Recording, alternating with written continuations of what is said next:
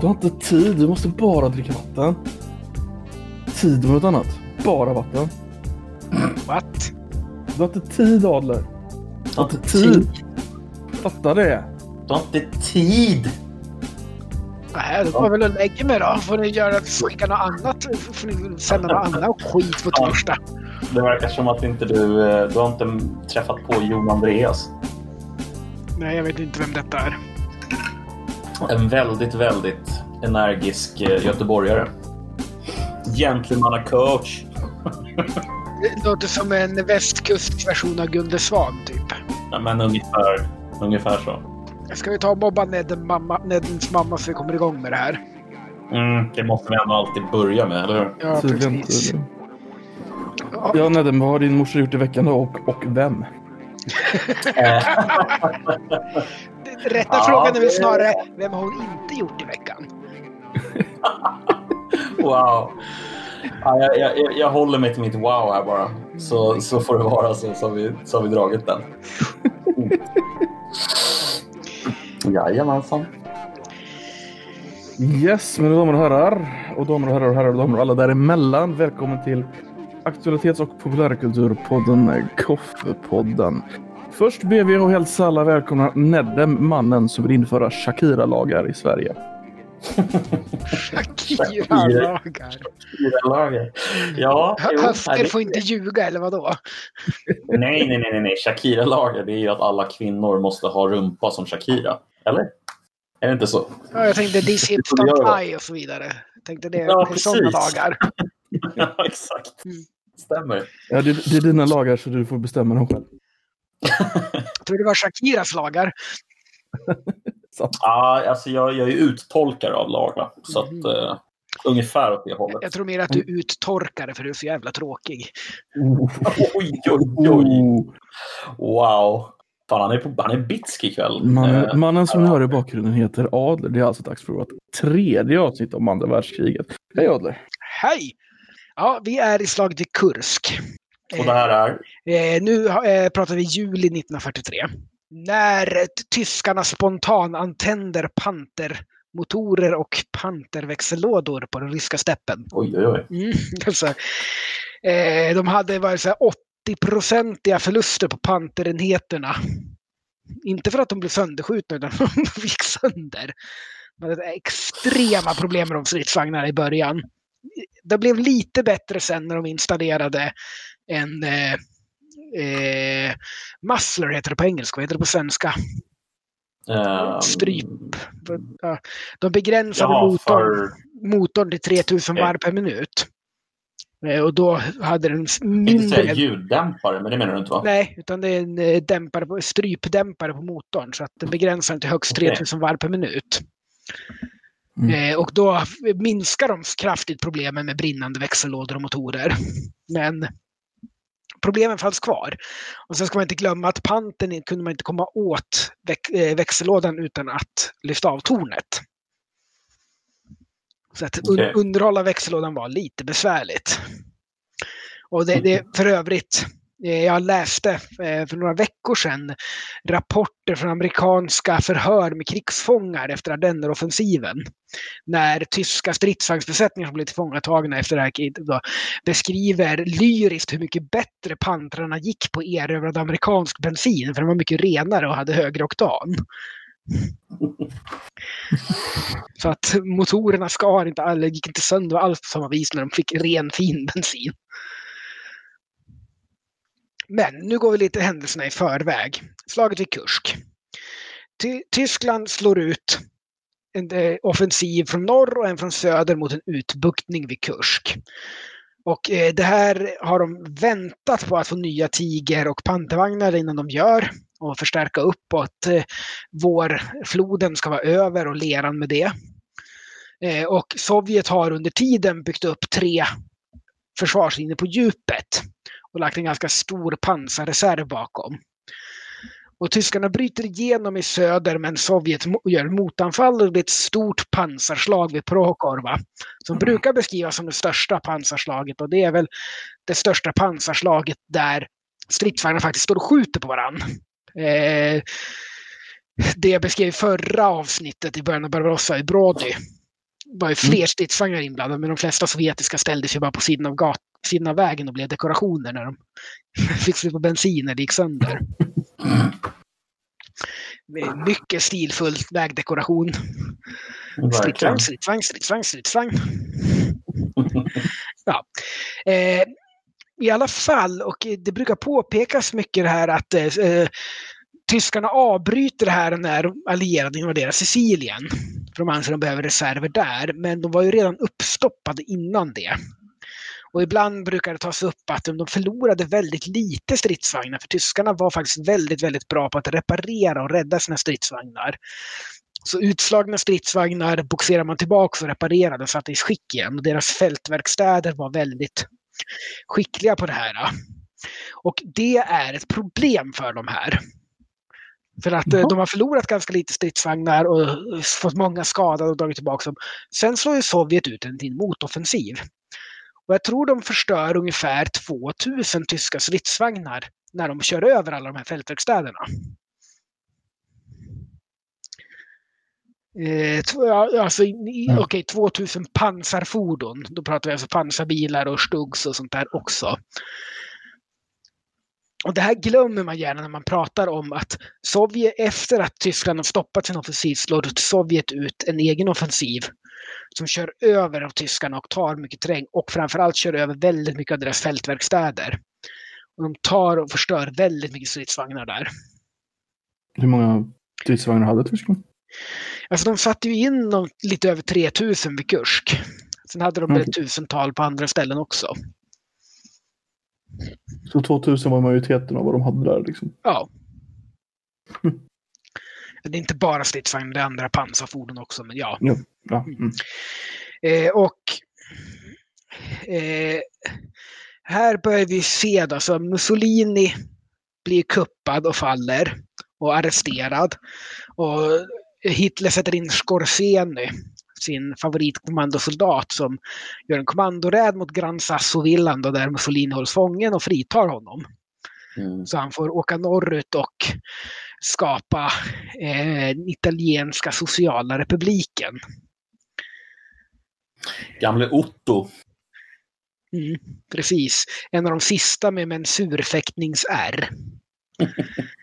ja, sånt är coolt. Mm. Kan inte du bara snabbt förklara det? Eh, mensurfäktning var vad ska man säga, det började som en grej i Preussen på 1800-talet när det blev förbud vid universiteten för de här unga adelslyngarna att duellera för de slog ihjäl varandra i för hög takt. Mm. Eh, så att då utvecklade man icke dödliga duellmetoder. Man bland annat hade mensurfäktning, det innebar att man ställde sig på 20 centimeters avstånd från varandra med varsitt svärd och högg varandra i ansiktet tills någon inte orkade med längre. Eh, när du hade så kort avstånd kunde du inte hugga så hårt att du faktiskt hade ihjäl någon. Men sen utvecklade det här tyckte folk att jävlar vilka coola ärr man fick. Man såg ju så manlig och veteran, stridsveteranig ut med de här ärren i ansiktet. Så att det här utvecklades till en ritual där man ställde sig och bevisade sin manlighet genom att ta de här huggen och skaffa sig snygga ärr. Så att i början av 1900-talet så var det ett sätt att ja, du och jag hugger varandra i ansiktet så vi får snygga ärr. Det var väl generellt sett även ett sätt för amerikanare och eh, vad heter det, sovjeter att identifiera eh, vad heter det, vilka som hade varit en del av överklassen och officerare och så vidare. Va? Var det inte så? Ja, absolut. Det var inte alla som hade det, men hade du mensur R var du garanterat en del av överklassen eller åtminstone någon som var universitetsutbildad. Mm. Mm. Att, ja. Det och ridstövlar. Mm. Som norrmännen sa 1940, skjut han med tunneben. Kunde kvinnor i någon, någon grad överhuvudtaget ha mensurar? Eh, inte vad jag vet. Det fanns säkert kvinnor som gjorde det också, men det var inte en stor grej vad jag vet. Okay. Man, män som skulle vara män, manliga och ha mensurar. Förstår. Mm. Eh, ja, och eh, han bildar ju då Salorepubliken kallades den också. Berömd från eh, Sodoms 120 dagar-filmen tror jag den heter. Jävligt otrevlig film för övrigt. Ja. Det är mycket som är otrevligt kring andra världskriget av någon konstig anledning. Ja, jag vet inte vad det kan bero på riktigt. Fan vad konstigt alltså. Ja, Kan det vara historierevisionism? Ja, antagligen. precis. Ja. Eh, och det blev ju en tysk lydrepublik helt enkelt. Mm. eh, no- i norra Italien. Men sen bet för tyskarna fast i Italien och gjorde motstånd där under framförallt Kesselring då, som är en av de bättre tyskarna befälhavarna anser jag under kriget. Som egentligen var flygmarskalk men så fick bli försvarsgeneral och hålla där då. Han höll ju söder om Rom och sen norr om Rom och så Monte Cassino och så norrut igen. Bet sig fast på bergstopparna och det var mycket att de satte observatörer till artilleriet då, som kunde ju se hur jävla långt som helst som de låg på en bergstopp. Och dirigera tyskt artilleri på alla slags konvojer som kom längs de här smala bergsvägarna. Eh, så att i Italien gick det ju långsamt, långsamt norrut. Eh, och här hade man ju också den mest multietniska styrka jag tror man har sett någon gång. För Man hade ju en nyzeeländsk division och en indisk division med eh, gurkabataljon. Och man hade en nyzeeländska division hade även en maorisk bataljon. Maorierna var legendariska för att de snodde alla vapen de kom över. För att de tyckte ju mer eldkraft desto bättre. Så att de hade alltid...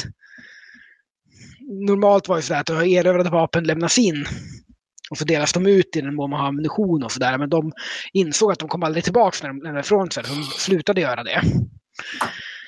Och det finns mycket bilder på nätet med maorier med som bär på fyra, fem vapen. Mm. för att vara på den säkra sidan. Eh, sen fanns det en brasilisk division. Brasilien förklarade ju hösten 1942 krig mot Tyskland. Eh, för att tyskarna höll på att sänka deras handelsfartyg. Eh, och det fanns ett mexikanskt flygförband. Inga marktrupper med ett flygförband. Eh, och så hade ju fria fransmännen då divisioner från Senegal och från Algeriet och från Marocko och från Tunisien. Och från Dakar. Eh, och sen var det ju polska andra armékåren. Där det även inkluderades en del eh, tjecker och ukrainare tror jag som kommit med på ett hörn. Eh, och så var det ju den italienska kungliga armén då.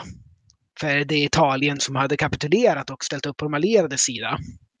Och arresterat Mussolini. De hade också ett par divisioner med där. Och så var det ju amerikaner och britter. De hade en ganska multifacetterad koalition där. Ja, det får man nog säga va?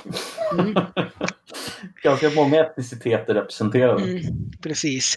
Och apropå mörk humor där så eh, dök det upp ett tyst skämt där också om den här gurkabataljonen.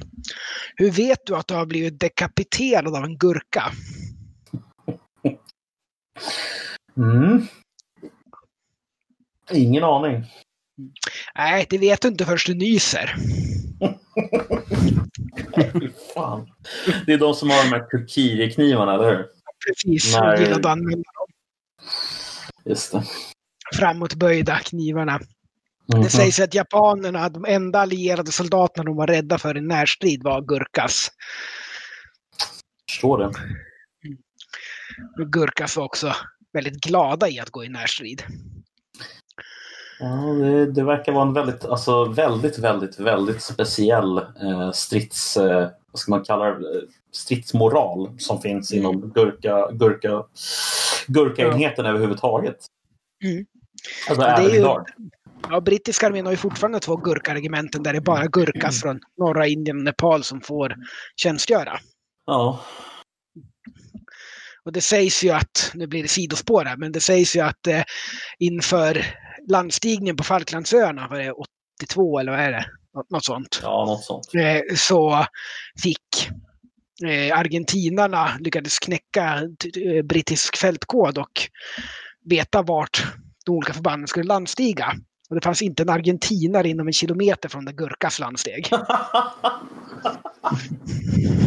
Nej, jag, jag köper det. det de, de verkar lite smått, smått uh, otäcka faktiskt. Precis. Mm. Ja. Eh, och här ska vi också säga att i Burma, så vår gamle vän Ord Wingate som vi pratade om i första avsnittet och eh, eller om det var, jo men det är nog första avsnittet när britterna tar tillbaka Etiopien och hans mm. eh, Gideon Force. Eh, den här mannen som höll sina genomgångar naken, dammande sig själv med en dammvippa och hade en väckarklocka runt halsen. Eh, han beger sig in i Burma och sätter upp ett gerillaförband av burmesiska soldater, så kallade shindits. Som är ohyggligt jävliga mot japanerna. Och, och i stenhårda strider hjälper till då för att nu ska vi komma ihåg att japanerna har under tre år från att de tog Burma byggt upp för att gå in i, mot infall i Indien. Mm. Och tänker sig att de ska skära av den brittiska fjärde armékåren genom att ta infall. Och det gör de. Men på tennisbanan vid officersklubben i infall så håller 3000 brittiska och indiska trupper ut i, vad är det, i tre månader. Till slut ihopträngda på ett område som är 360 gånger 360 meter. Oj. Mm eh, tills då understöd kommer. Eh, och eh, japanerna blir chockade för att hela fjärde armékåren som då är avskuren från underhåll borde ju kapitulera. Men britterna har ju kapacitet att underhålla dem från luften. Skickar ju bara in underhåll och ammunition via transportplan. Mm. Eh, och det har ju japanerna inte fattat att de västallierade har skaffat kapacitet att göra. Så att de här trupperna vid infall, de har ju, japanska trupper har absolut inget underhåll så de får ju bara kollapsa och marschera hem genom djungeln. Och det, de har så här 80-90-procentiga förluster i sjukdomar och svält. Oj, fy fan. För de, för de tog med sig tre veckors förråd när de marscherade dit. Ah, fy fan. Mm. Ja, det är mörkt. Ja, det är riktigt, riktigt mörkt. Eh, och samtidigt så amerikanerna håller på att sänka den japanska handelsflottan väldigt effektivt. Japanerna har ju tagit gummiplantagerna i Malacka och oljefälten i Nederländska Ostindien och så där, men nästan ingenting av det kommer tillbaks till Japan. För de amerikanska ubåtarna är extremt påpassliga. Och när de väl har rätt ut sina torpedproblem, vilket är helt intressant historia helt för sig själv med av legendarisk inkompetens och ovilja att inse vad som har hänt. Därför att de eh, amerikanska torpederna har samma problem som de tyska har i början av kriget. Man har magnettorpeder. Det normala för en torped är att du har en kontaktdetonation. Så du skjuter den på så exploderar den på sidan av båten och river upp ett stort hål och så forsar in vatten och så sjunker de. Men det tar ganska lång tid och på stora fartyg så kan de faktiskt reparera det där och hindra. Och framförallt kan de ha vattentäta skott runt så att även om du slår upp ett stort hål så eh, kanske de inte sjunker av det. Så därför utvecklar man det som kallas magnettorpeden som går djupare och när den når det magnetiska fältet runt ett fartyg under kölen, då sprängs den. Mm. Vilket då får fartyget att hoppa uppåt och sen att falla neråt i det här tomma rummet i vattnet som explosionen bildar. Vilket knäcker kölen på fartyget. Eh, så att du förstör, det går inte att reparera det. Det kommer alltid att sjunka då. Och I teorin var det ett jättebra koncept men det funkade ganska dåligt. Och tyskarna upptäckte det här och lyckades åtgärda det efter ett halvår. Men för amerikanerna tog det ett år. Och väldigt, väldigt många av deras torpeder som deras ubåtar sköt funkade inte. De exploderade alldeles för djupt eller på ett annat ställe eller inte alls. Mm. Och det var ett byråkratiskt fuck-up utan dess like. Där då de som hade utvecklat de här torpederna var ansvariga för att de inte funkade skyllde ifrån sig på allt och alla. Eller hävdade att det minsann inte alls var fallet utan det var bara ubåtsbefälhavarna som var inkompetenta. Sen ska man lägga till också att de hade ytterligare ett problem, amerikanerna, med sina torpeder i början av kriget i Stilla havet och det var att de här torpederna gick ju på eh, etanol Väldigt många av dem visade sig ha små hål uppborrade i bränsletanken. Det var dags att skjuta iväg dem. För Mm. sjömän, sjömän dricker ju det de kommer över. Mm. Så att det var mycket torpeder så här. Och så bara, nej, får inte iväg någonstans. Det var inget bränsle i den. Ja men herregud. Av alla jävla saker man kan göra så är det ibland, ja, ja nej, vad ska jag säga ens? Man måste ha sin fylla. När man är det. stationerad på en Ja, det jagare är, eller den, den mänskliga faktorn är alltid Ja. där och den är ofta så jävla sjuk när man får höra vad, vad, varför funkade det inte? För nej, men de drack bränslet. Så att nej, Ja, bara, okej. det, Ja, det är nej, något man kan tro eh, liksom Röda armén ska göra, men in, Ja, inte amerikanska precis. Exakt. Men nej, men vi, vi drack bränslet. Det var, vi var snu, sugna på något gott. Ja, okej. Gott och gott, ja. ja, gott och gott. Exakt. Det var nog yrsel man var ute efter där. Väldigt mycket. Det är inte kul att ligga på en ubåt. Vad kan vi göra för någonting? Vi kan dricka torpedbränslet. Mm. Ja. Bra idé. Ja. I alla fall. Eh, så japanerna får ju inte nå- något. Får ju inte alla de här råvarorna de går till krig för ändå. För am- amerikanerna är bra på att sänka deras tankfartyg och deras handelsfartyg när de väl kommer igång. Eh, och det här är ju en av anledningarna till att Midway var så viktigt. Därför att det är ju en ubåtsbas för amerikanerna där de fyller på bränsle och mat och torpeder och sådär till ubåtarna. Och utan Midway, om japanerna faktiskt hade vunnit slaget vid Midway, då hade amerikanska ubåtar fått segla väldigt mycket längre. Vilket innebär att de får mycket kortare operationstid i området där de ska försöka hitta fartyg och sänka dem. Så att amerikanerna behöll Midway 1942 är väldigt viktigt för deras förmåga att slå ut den japanska handelsflottan. Sen har du också en väldigt intressant nästan Benny Hill-liknande episod som pågår genom hela kriget. Där amerikanska fartyg lastade med amerikansk krigsmateriel förande sovjetisk flagg seglar från USA till Vladivostok rakt igenom japanska flottan för att leverera Lend Lease till Sovjet. Och det här låter japanerna ske under hela kriget. Va? Mm. För att? De vill inte bråka med Sovjet. Det har de lärt sig vid Nomahon. Och att det var en Så. dålig idé. Ja. Ja, det. Och eh, det var ju liksom allting amerikanerna levererade till Sovjet gick ju till att slåss mot tyskarna. Så att det var ju saker de inte använde för att slåss mot japanerna. Jag kan tänka mig att vissa japaner tyckte det här var en bra idé. Mm. Men det är lite sådär att ja, här har vi ett gäng amerikaner på ett amerikanskt fartyg lastat med amerikanska lastbilar. Och så hissar de en sovjetisk flagg och seglar rakt förbi Japan. ja, det är så jävla konstigt alltså. Ja. Vissa av de här grejerna är jättekonstiga. Sen eh, har vi en eh, liten svensk episod med i det här hela. Därför att amerikanska State Department, alltså utrikesministeriet, chartrar svenska Amerikalinjens Drottningholm och Gripsholm passagerarfartyg för att göra utväxlingar av civila och diplomatisk personal mellan de krigförande länderna.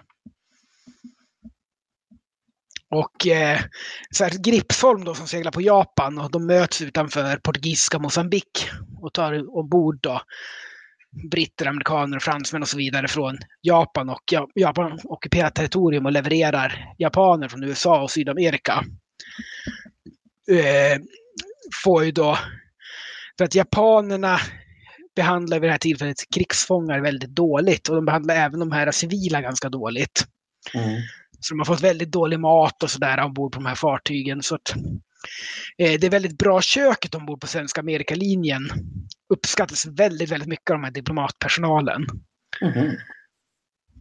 Eh, jag har lite menyer och sådär från eh, augusti och eh, september 42 när de får kalkon och eh, konsumé tapioca och eh, glass ombord när de seglar då mellan Afrika och Brasilien.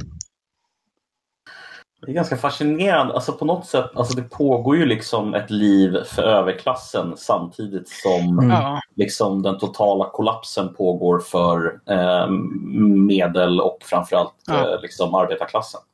Ja. Eh, okej, det, det, det är sällan det är arbetarklass som bor här, men det är ju liksom inte nödvändigtvis överklass. Det är liksom nej, familjer och tänker, där på. Jag tänker på båten, alltså att kunna åka Ja. båten över liksom ehm, tänker på framförallt, jag läste ju om eh, Karl Hagelin när han tog båten över till USA och eh, det var ju liksom mer eller mindre under kriget precis när det drog igång. Och eh, det var ju inga, inga problem alls att åka båten över. Visst, det var lite, lite båtar som åkte runt och sådär, men de käkar ju precis som du säger, schysst mat och det är inga, det är inga problem liksom. Det är highlight. Mm, precis. Nej, men det är, man ska inte glömma att alltså, Sverige var ju under ganska hård ransonering. Och vi hade ju lejdtrafiken som kallas där britterna och tyskarna släppte igenom ett visst antal fartyg vi fick ta in. Mm. Med ofta eh, kött från Brasilien, eh, olja från Venezuela och sådär. eh, Strategiska varor. Eh, och Mm. De dollar då som svenska handelsflottan som var utanför allt det här seglade in användes ju då för att det, det, det köpte ju svenska regeringen av rederierna. Så fick svenska rederierna svenska kronor i Sverige för de pengarna. Och så använde man ju de dollarna för att köpa de här varorna utomlands som man tog in. Mm.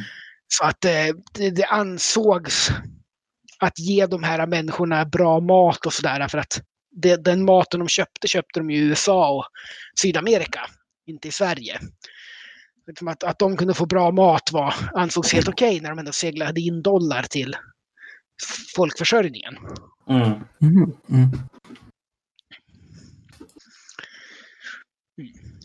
Nå, men i alla fall i... Och Japan sätter igång i Kina diverse risoffensiver liksom där de beslagtar skörden. De går bara in i Mhm. territorium och tar skörden och sen drar de sig tillbaka igen för de har ingen möjlighet att hålla det. Mm. Vilket också orsakar naturligtvis svält i Kina i ganska hög grad. Och eh, Kuomintang då, eh, nationalistkinesernas oförmåga att stå emot det här eller ovilja att ta strid mot japaner över det här eh, är ju en av delarna som kommer att diskreditera dem och få eh, är en av anledningarna till sen att kommunisterna vinner inbördeskriget. För att de fortsätter att slåss lite mer än vad nationalisterna gör. Därför att Chiang Kai-shek inser att kriget kommer snart vara över och försöker bespara sina trupper inför det inbördeskrig han vet kommer komma efteråt. Okej. Medan kommunisterna sätter igång 100 regementets offensiven. Vilket är fullständig katastrof för dem. Ja, ändå lyckas de vinna inbördeskriget. Trots deras katastrofer. Ja. Och det har ju att göra delvis, nu, kommer vi gå lite fram och tillbaka till tid och plats här, men eh, när Japan kollapsar så har, är ju Sovjet på väg djupt in i Manchuriet. Mm. Och, och eh, kommunisterna är först till Manchuriet och med Sovjets goda minne är det de som tar över japanska arméns vapenlager där. De japanska trupperna som kapitulerar får lämna ifrån sig sina vapen till de kinesiska kommunisterna. Och det gör ju att de får dels får de kontroll över en av de mest industrialiserade delarna av Kina då. Eh, och över en ganska bra arsenal för, med kinesisk standard då. Och det hjälper dem väldigt mycket i inbördeskriget. Mm. Vi ska tillbaka till Europa eh, och till Normandie och den allierade invasionen där. Och här vill jag eh, prata lite grann om må några av de många innovationerna som har gjort det här. Och det är mycket brittisk ingenjörskonst och amerikansk produktion. Och det illustreras väldigt, väldigt bra att våren 1942 så reser en amerik- eh, brittisk delegation över till USA med de absolut senaste innovationerna. Och bland annat har de med sig en centrimetrisk radarenhet som är liten nog att bära som bor på ett flygplan. Mm. Det här är absolut top notch teknologi. Britterna har producerat så här tio stycken totalt. De visar det för amerikanerna. Och en amerikan tar den bara hela den här grejen och skär av den i en bandsåg för att se ut hur den ser ut inuti. Det är amerikanskt det. Jävlar. Ja. Ja. Så jävla- Och britterna är bara, aha, det är en av tio vi har lyckats producera. Och så sen producerar amerikanerna tusentals av dem där sen. Mm. Eh, och det, är liksom, det är till exempel Bofors, 40 mm Boforskanonen som amerikanerna skaffade en licens på och sen förklarade för force majeure och producerade 100 000 av. Vilket, eh, gjorde det lite svårt för Bofors att sälja den efter kriget eftersom amerikanerna dumpade den på överskottsmarknaden till vrakpris. Det är såna sjuka siffror. Ja, eh, och det, det är samma sak. Alltså, amerikanerna byggde 120 hangarfartyg under kriget. Och då slutade de liksom att bygga fler. Alltså det var så här att eh, ska vi lägga ner och sätta igång och bygga fler? Nej, kommer inte behöva fler.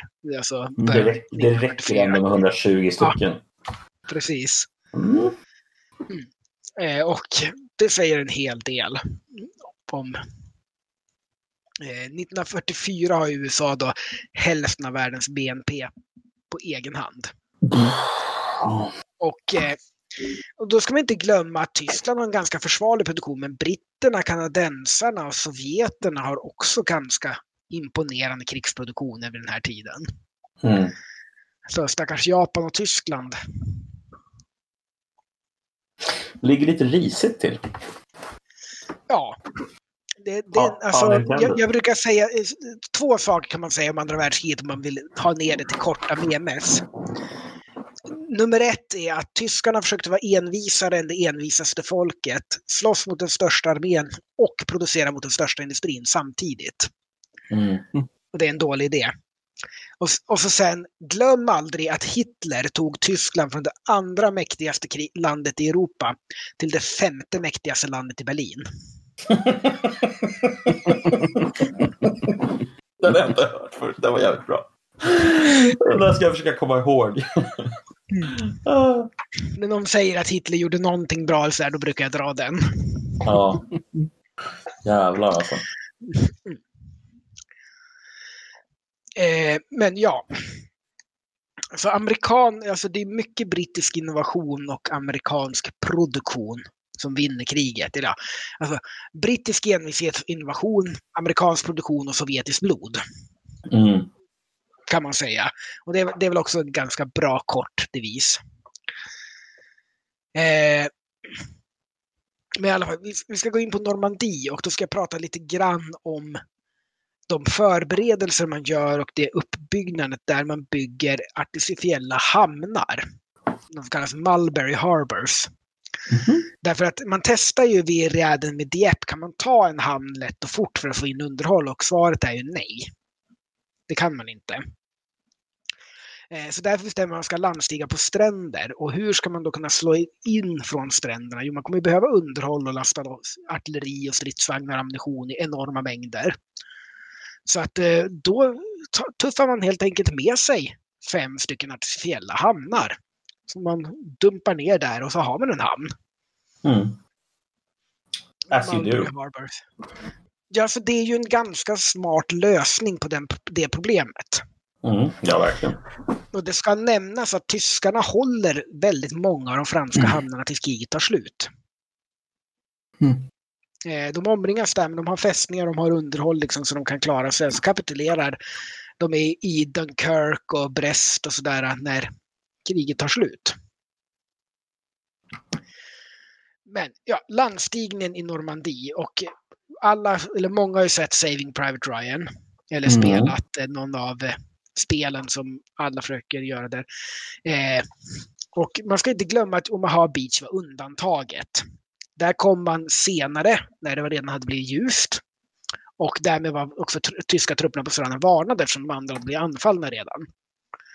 Eh, Mm. och man kom lite fel också. Så att man rände rakt in i fortifikationer och kulsprutor och förlorade ungefär 3000 man på ett par timmar. Men man tog ändå stranden. Trots Mm. det. Eh, och det, det, var, det stod för ungefär 90 procent av förlusterna första dagen. De förlorade ett par hundra man på de andra stränderna. Mm. Och det inkluderar även alla olyckor, för man släppte ner tre stycken fallskärmsjägardivisioner över området också. Och eh, de spreds ut som agnar för vinden. Eh, För det var oerfarna piloter som inte tyckte om luftvärnseld som bara dumpade fallskärmsjägarna för att de blev nervösa. Och så vidare. Det var bland annat en amerikan, har för mig, som eh, hamnade så att hans fallskärm fastnade i ett franskt kyrktorn. Så han hängde där i ett halvt dygn innan det kom kamrater och skar ner honom. Nej, fy fan. Eh, och det finns en annan historia om en eh, amerikan som var så hög på adrenalin för det var så mycket luftvärnseld som fastnade i ett träd som skar av, sig fallskärmen och lyckades skära av sig sin egen tumme i den processen. Oh.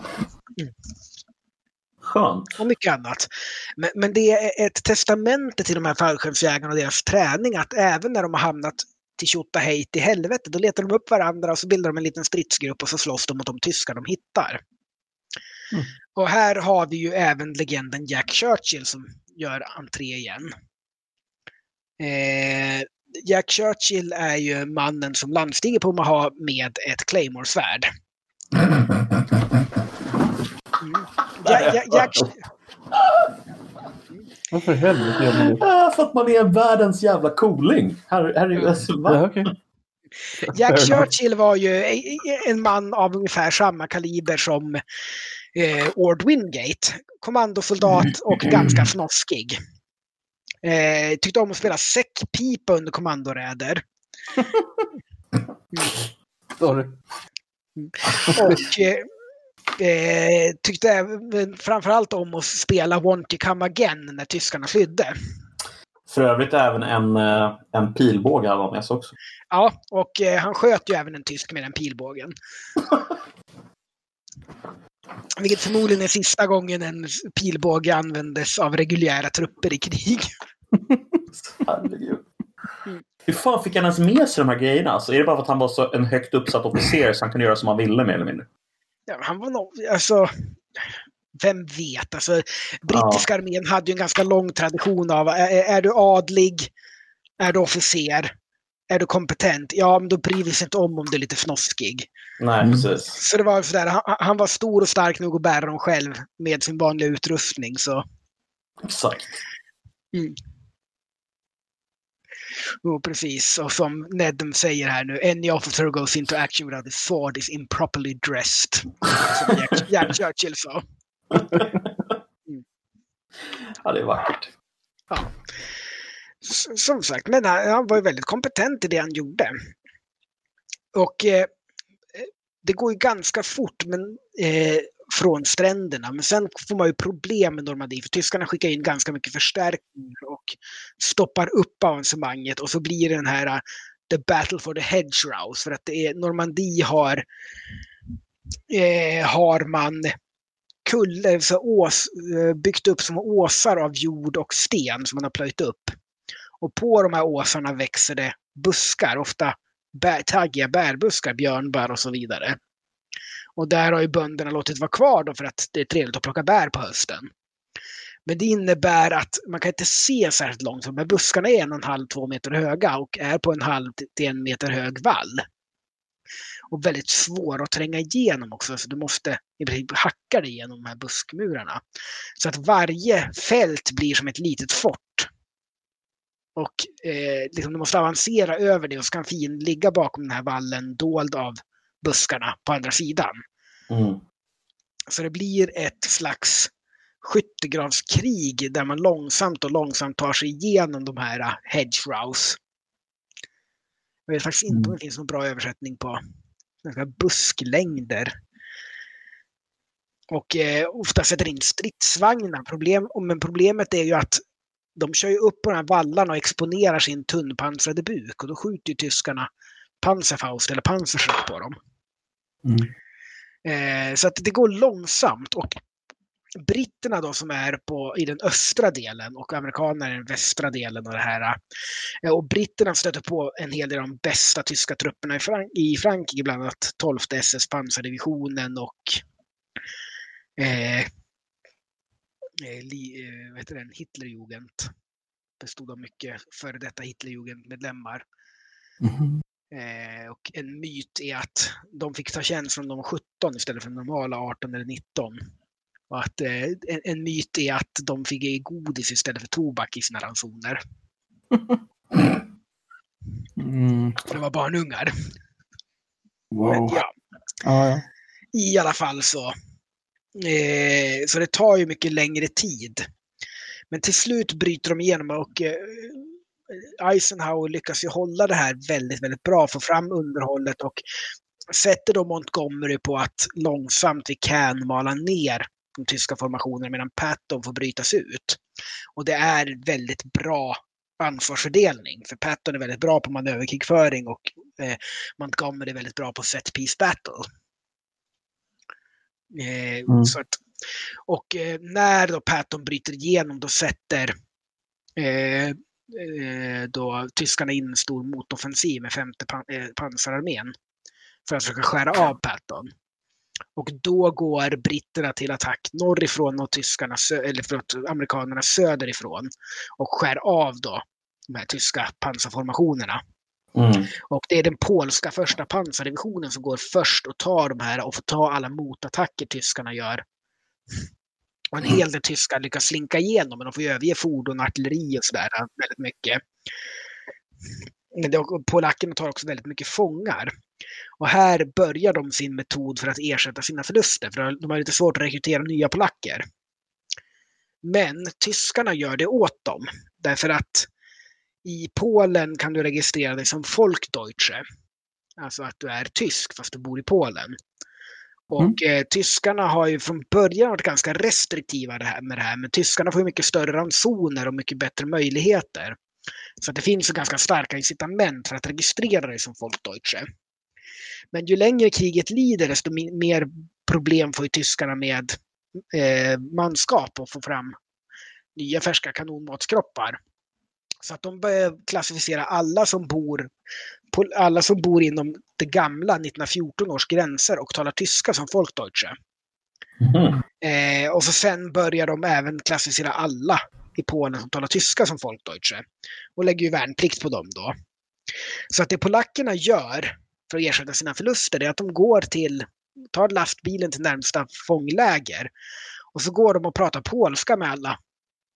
Hälsar alla på alla tyskarna på polska. Och de som svarar håller de en konversation med. Kan de prata en konversation polska då får de ett erbjudande om att byta sida. Mm.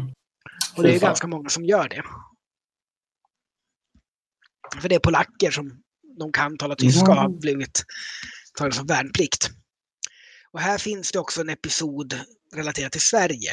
Eh, för att man känner kanske till eh, fallsveden som det kallades, eh, generallöjtnant von Schells plan för invasion av Sverige då i juli-augusti 1943 när vi sa upp permittenttrafiken.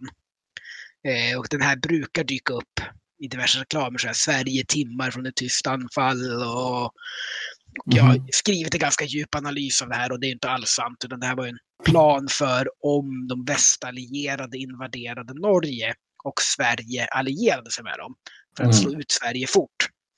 Eh, och det var aldrig riktigt en aktuell plan med de trupper som fanns i Norge och det var också vad von Schell svarade när svenska officerare skrev till honom efter kriget när hans plan upptäcktes på 60-talet.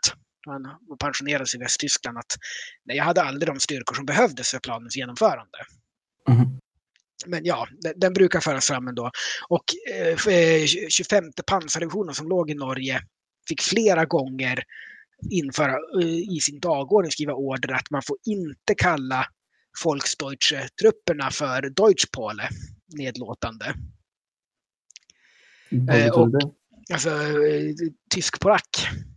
En nedlåtande term som eh, tyskarna använde om polacker som försökte vara tyska men inte var det.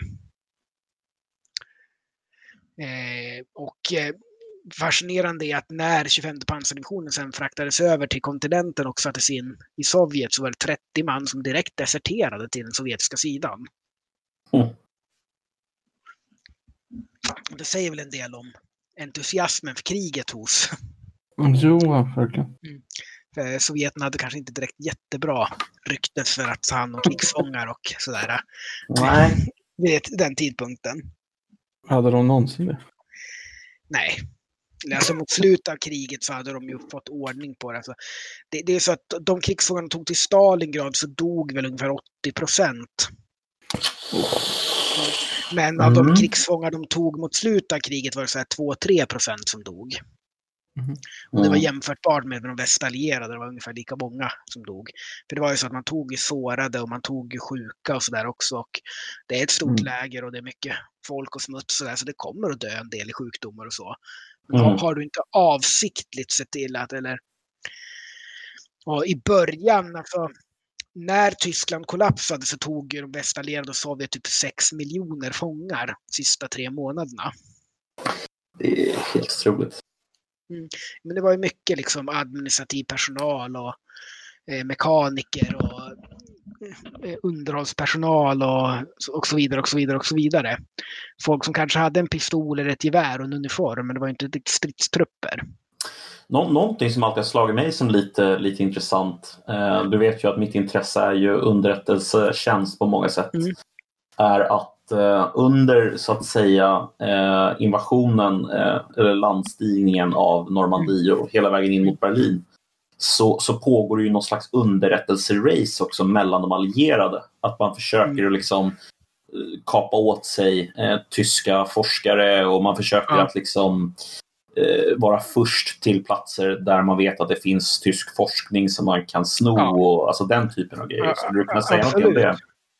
Jo, alltså tyskarna var ju ganska långt framme inom eh, raket eh, och en del eh, aerodynamisk och eh, jetmotorer och sådär.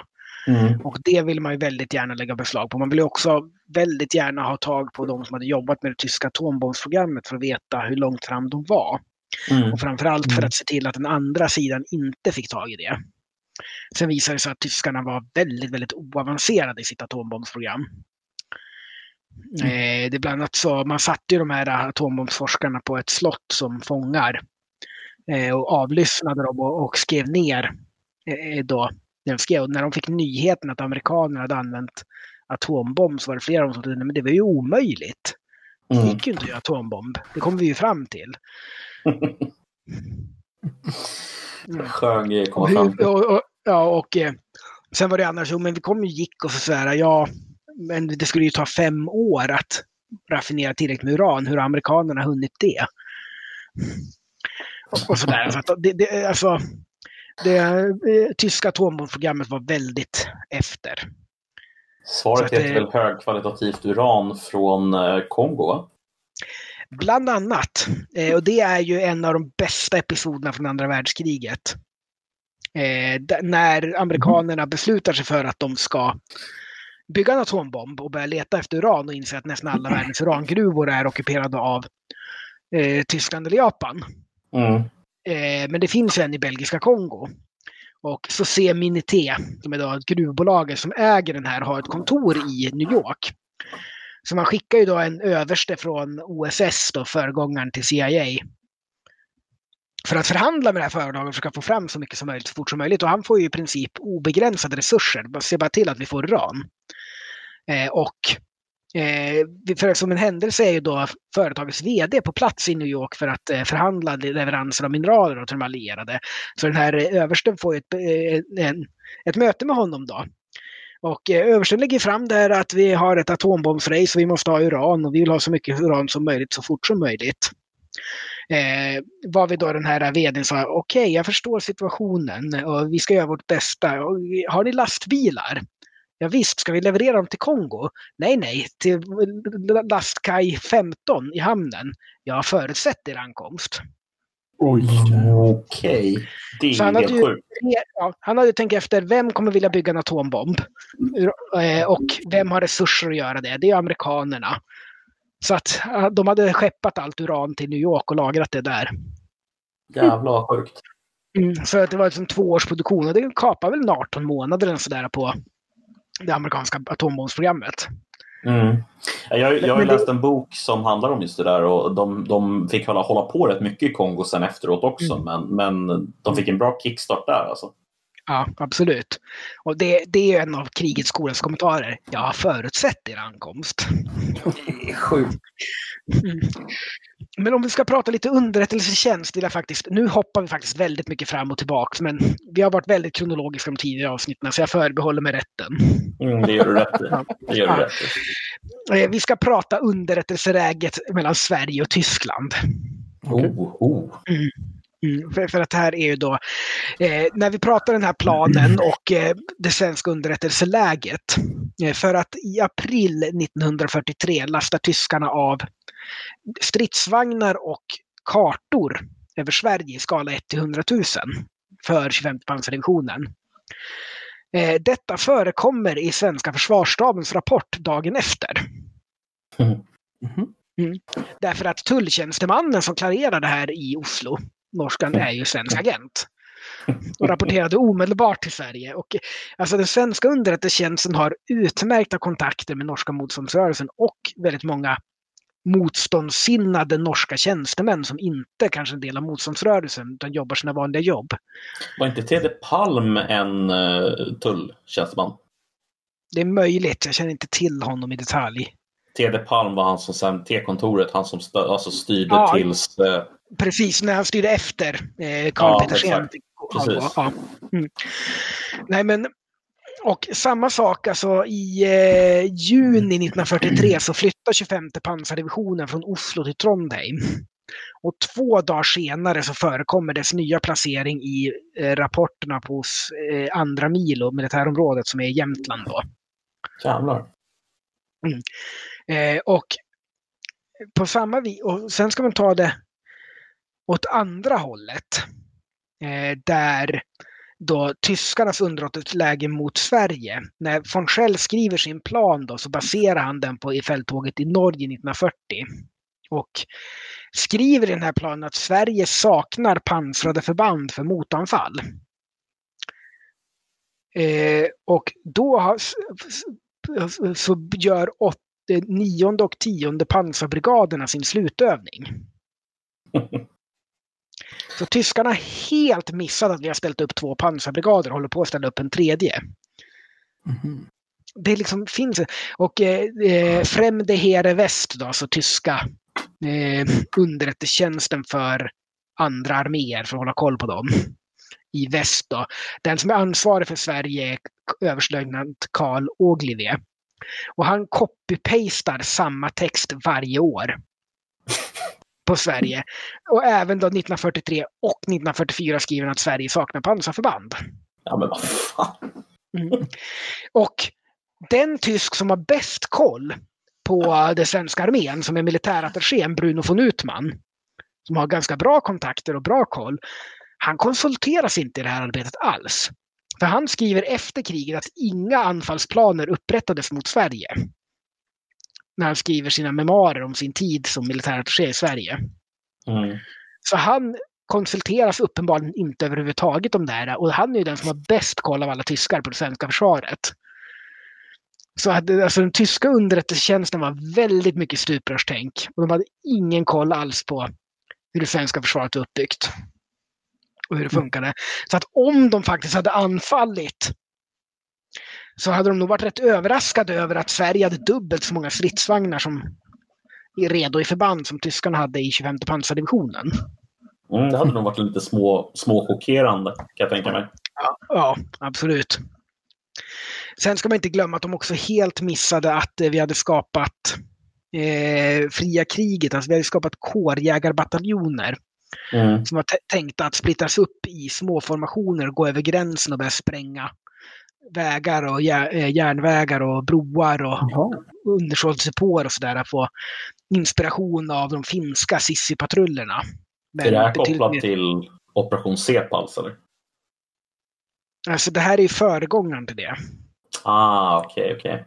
Alltså man skapar under 1942, skapar doktrinen om det fria kriget.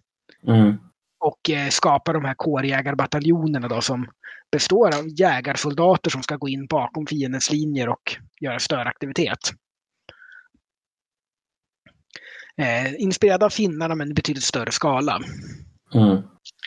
Och eh, tyskarna ska ju då när de gör den här planeringen för att sälja upp sin plan så ska de ha hört sig för. Och det här är ju en historia som jag inte har någon källa för. Så att man får ta det med en nypa salt. Det kan mycket väl vara sann, för den är inte alls lika otrolig som vissa andra historier har dragit.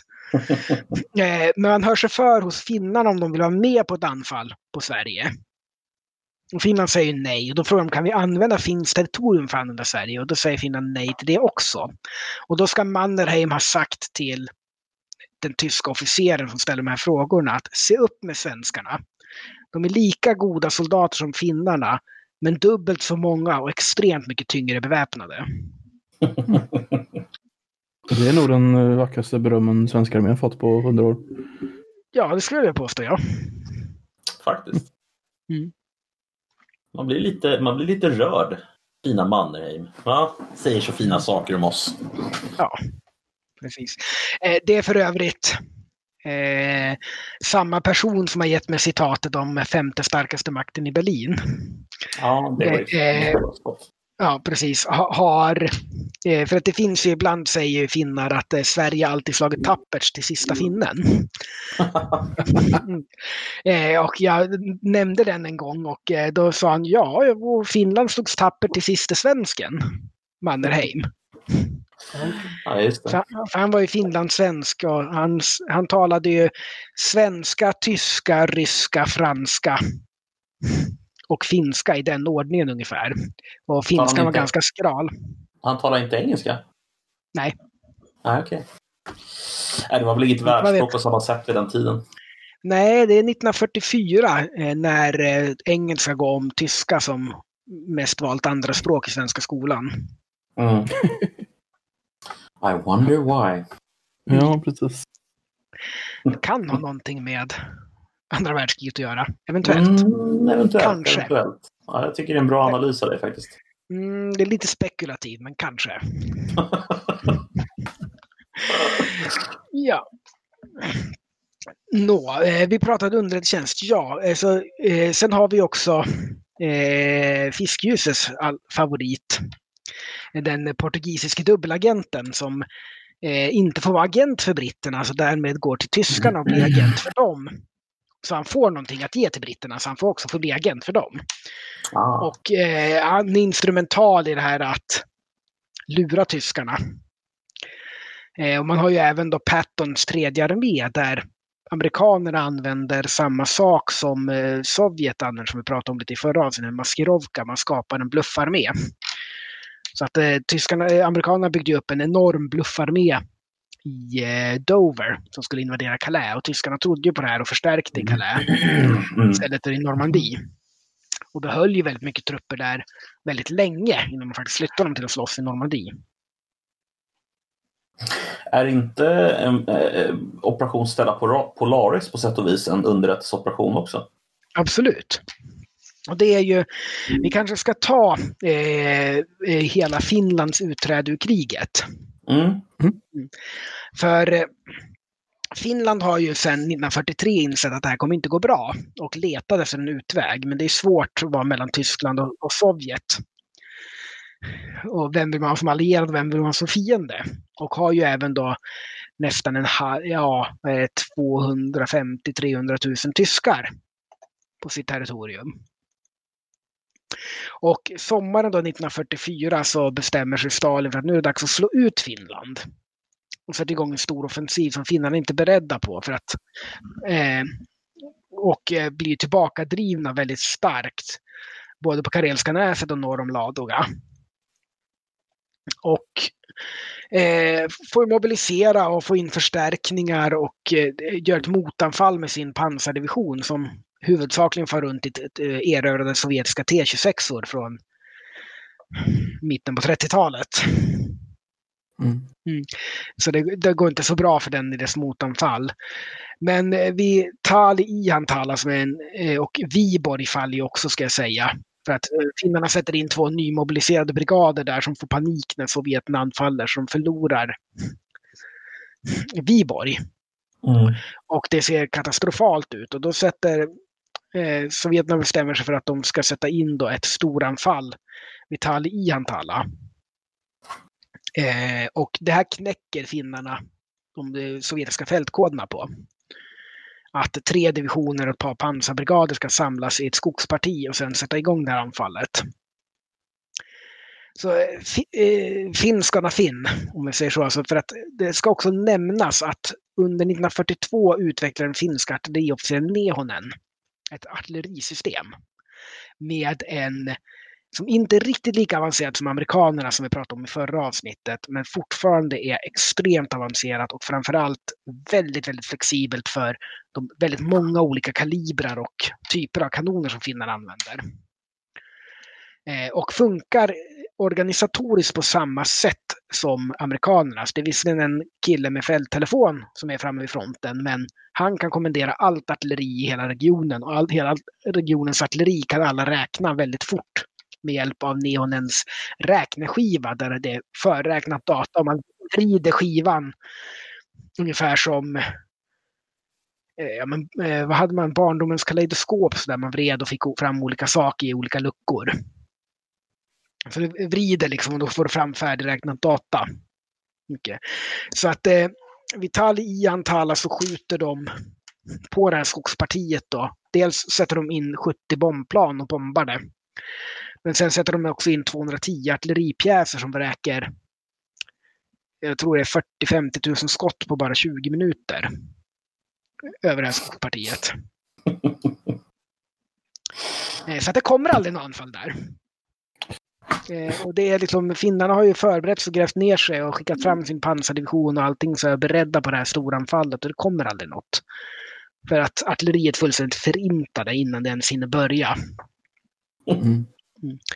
Eh, och eh, det finns en finsk krigsfilm med Tali som handlar om det här och generellt är den ganska dålig som film för att försöka visa alldeles för mycket alldeles för samtidigt. Men just de scenerna när artilleriet fullständigt utraderar den här skogen är väldigt snygga. Jag tänker det. Man kan i alla fall se de snuttarna på Youtube om man inte vill se resten. Inget att rekommendera med andra ord. Jo, alltså det är en bra film. Men det är, eller ja, okej. Okay. För mig som är en fullständigt jävla uh, wet, uh, krigsnörd på alla sätt och vis, in och utkantigt och framåt och bakåt, så är det en bra film. Ah. Men jag, jag, kan också se rent cinematografiskt så har den problem att den försöker visa för mycket grejer.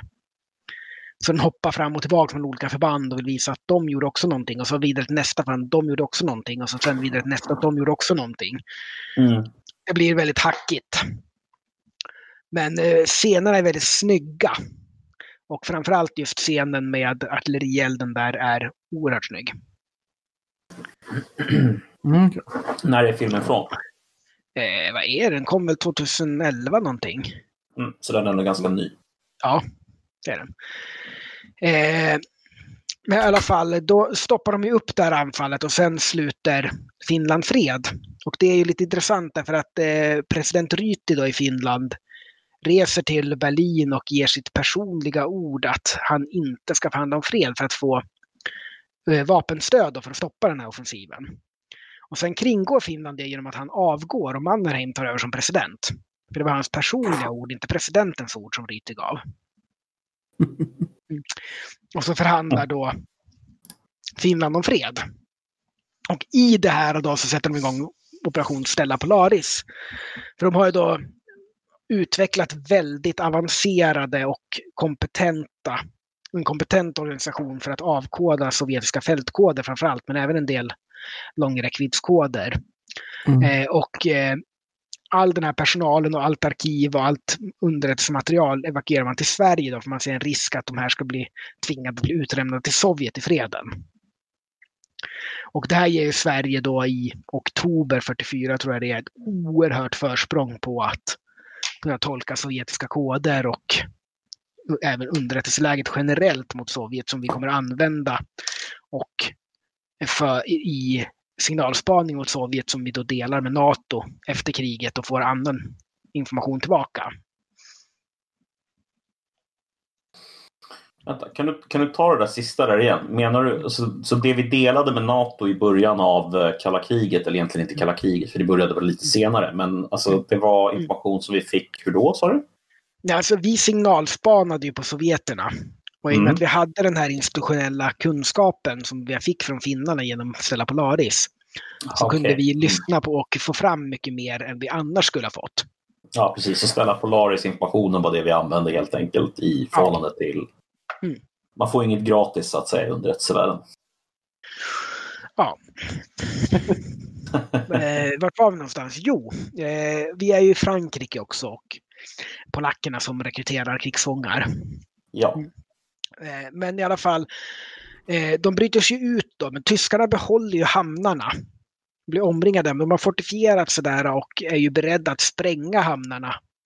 För att de västallierade inte ska kunna använda dem för underhåll. Och eh, de västallierade inser det och bestämmer sig för att belägra de här tills kriget är över. Det är liksom ingen poäng att anfalla dem och få dem sprängda. Mm, Så bland annat den fria tjeckiska brigaden ägnar sig åt att belägra en fransk hamn under resten av kriget. Mm. Mm. I alla fall då.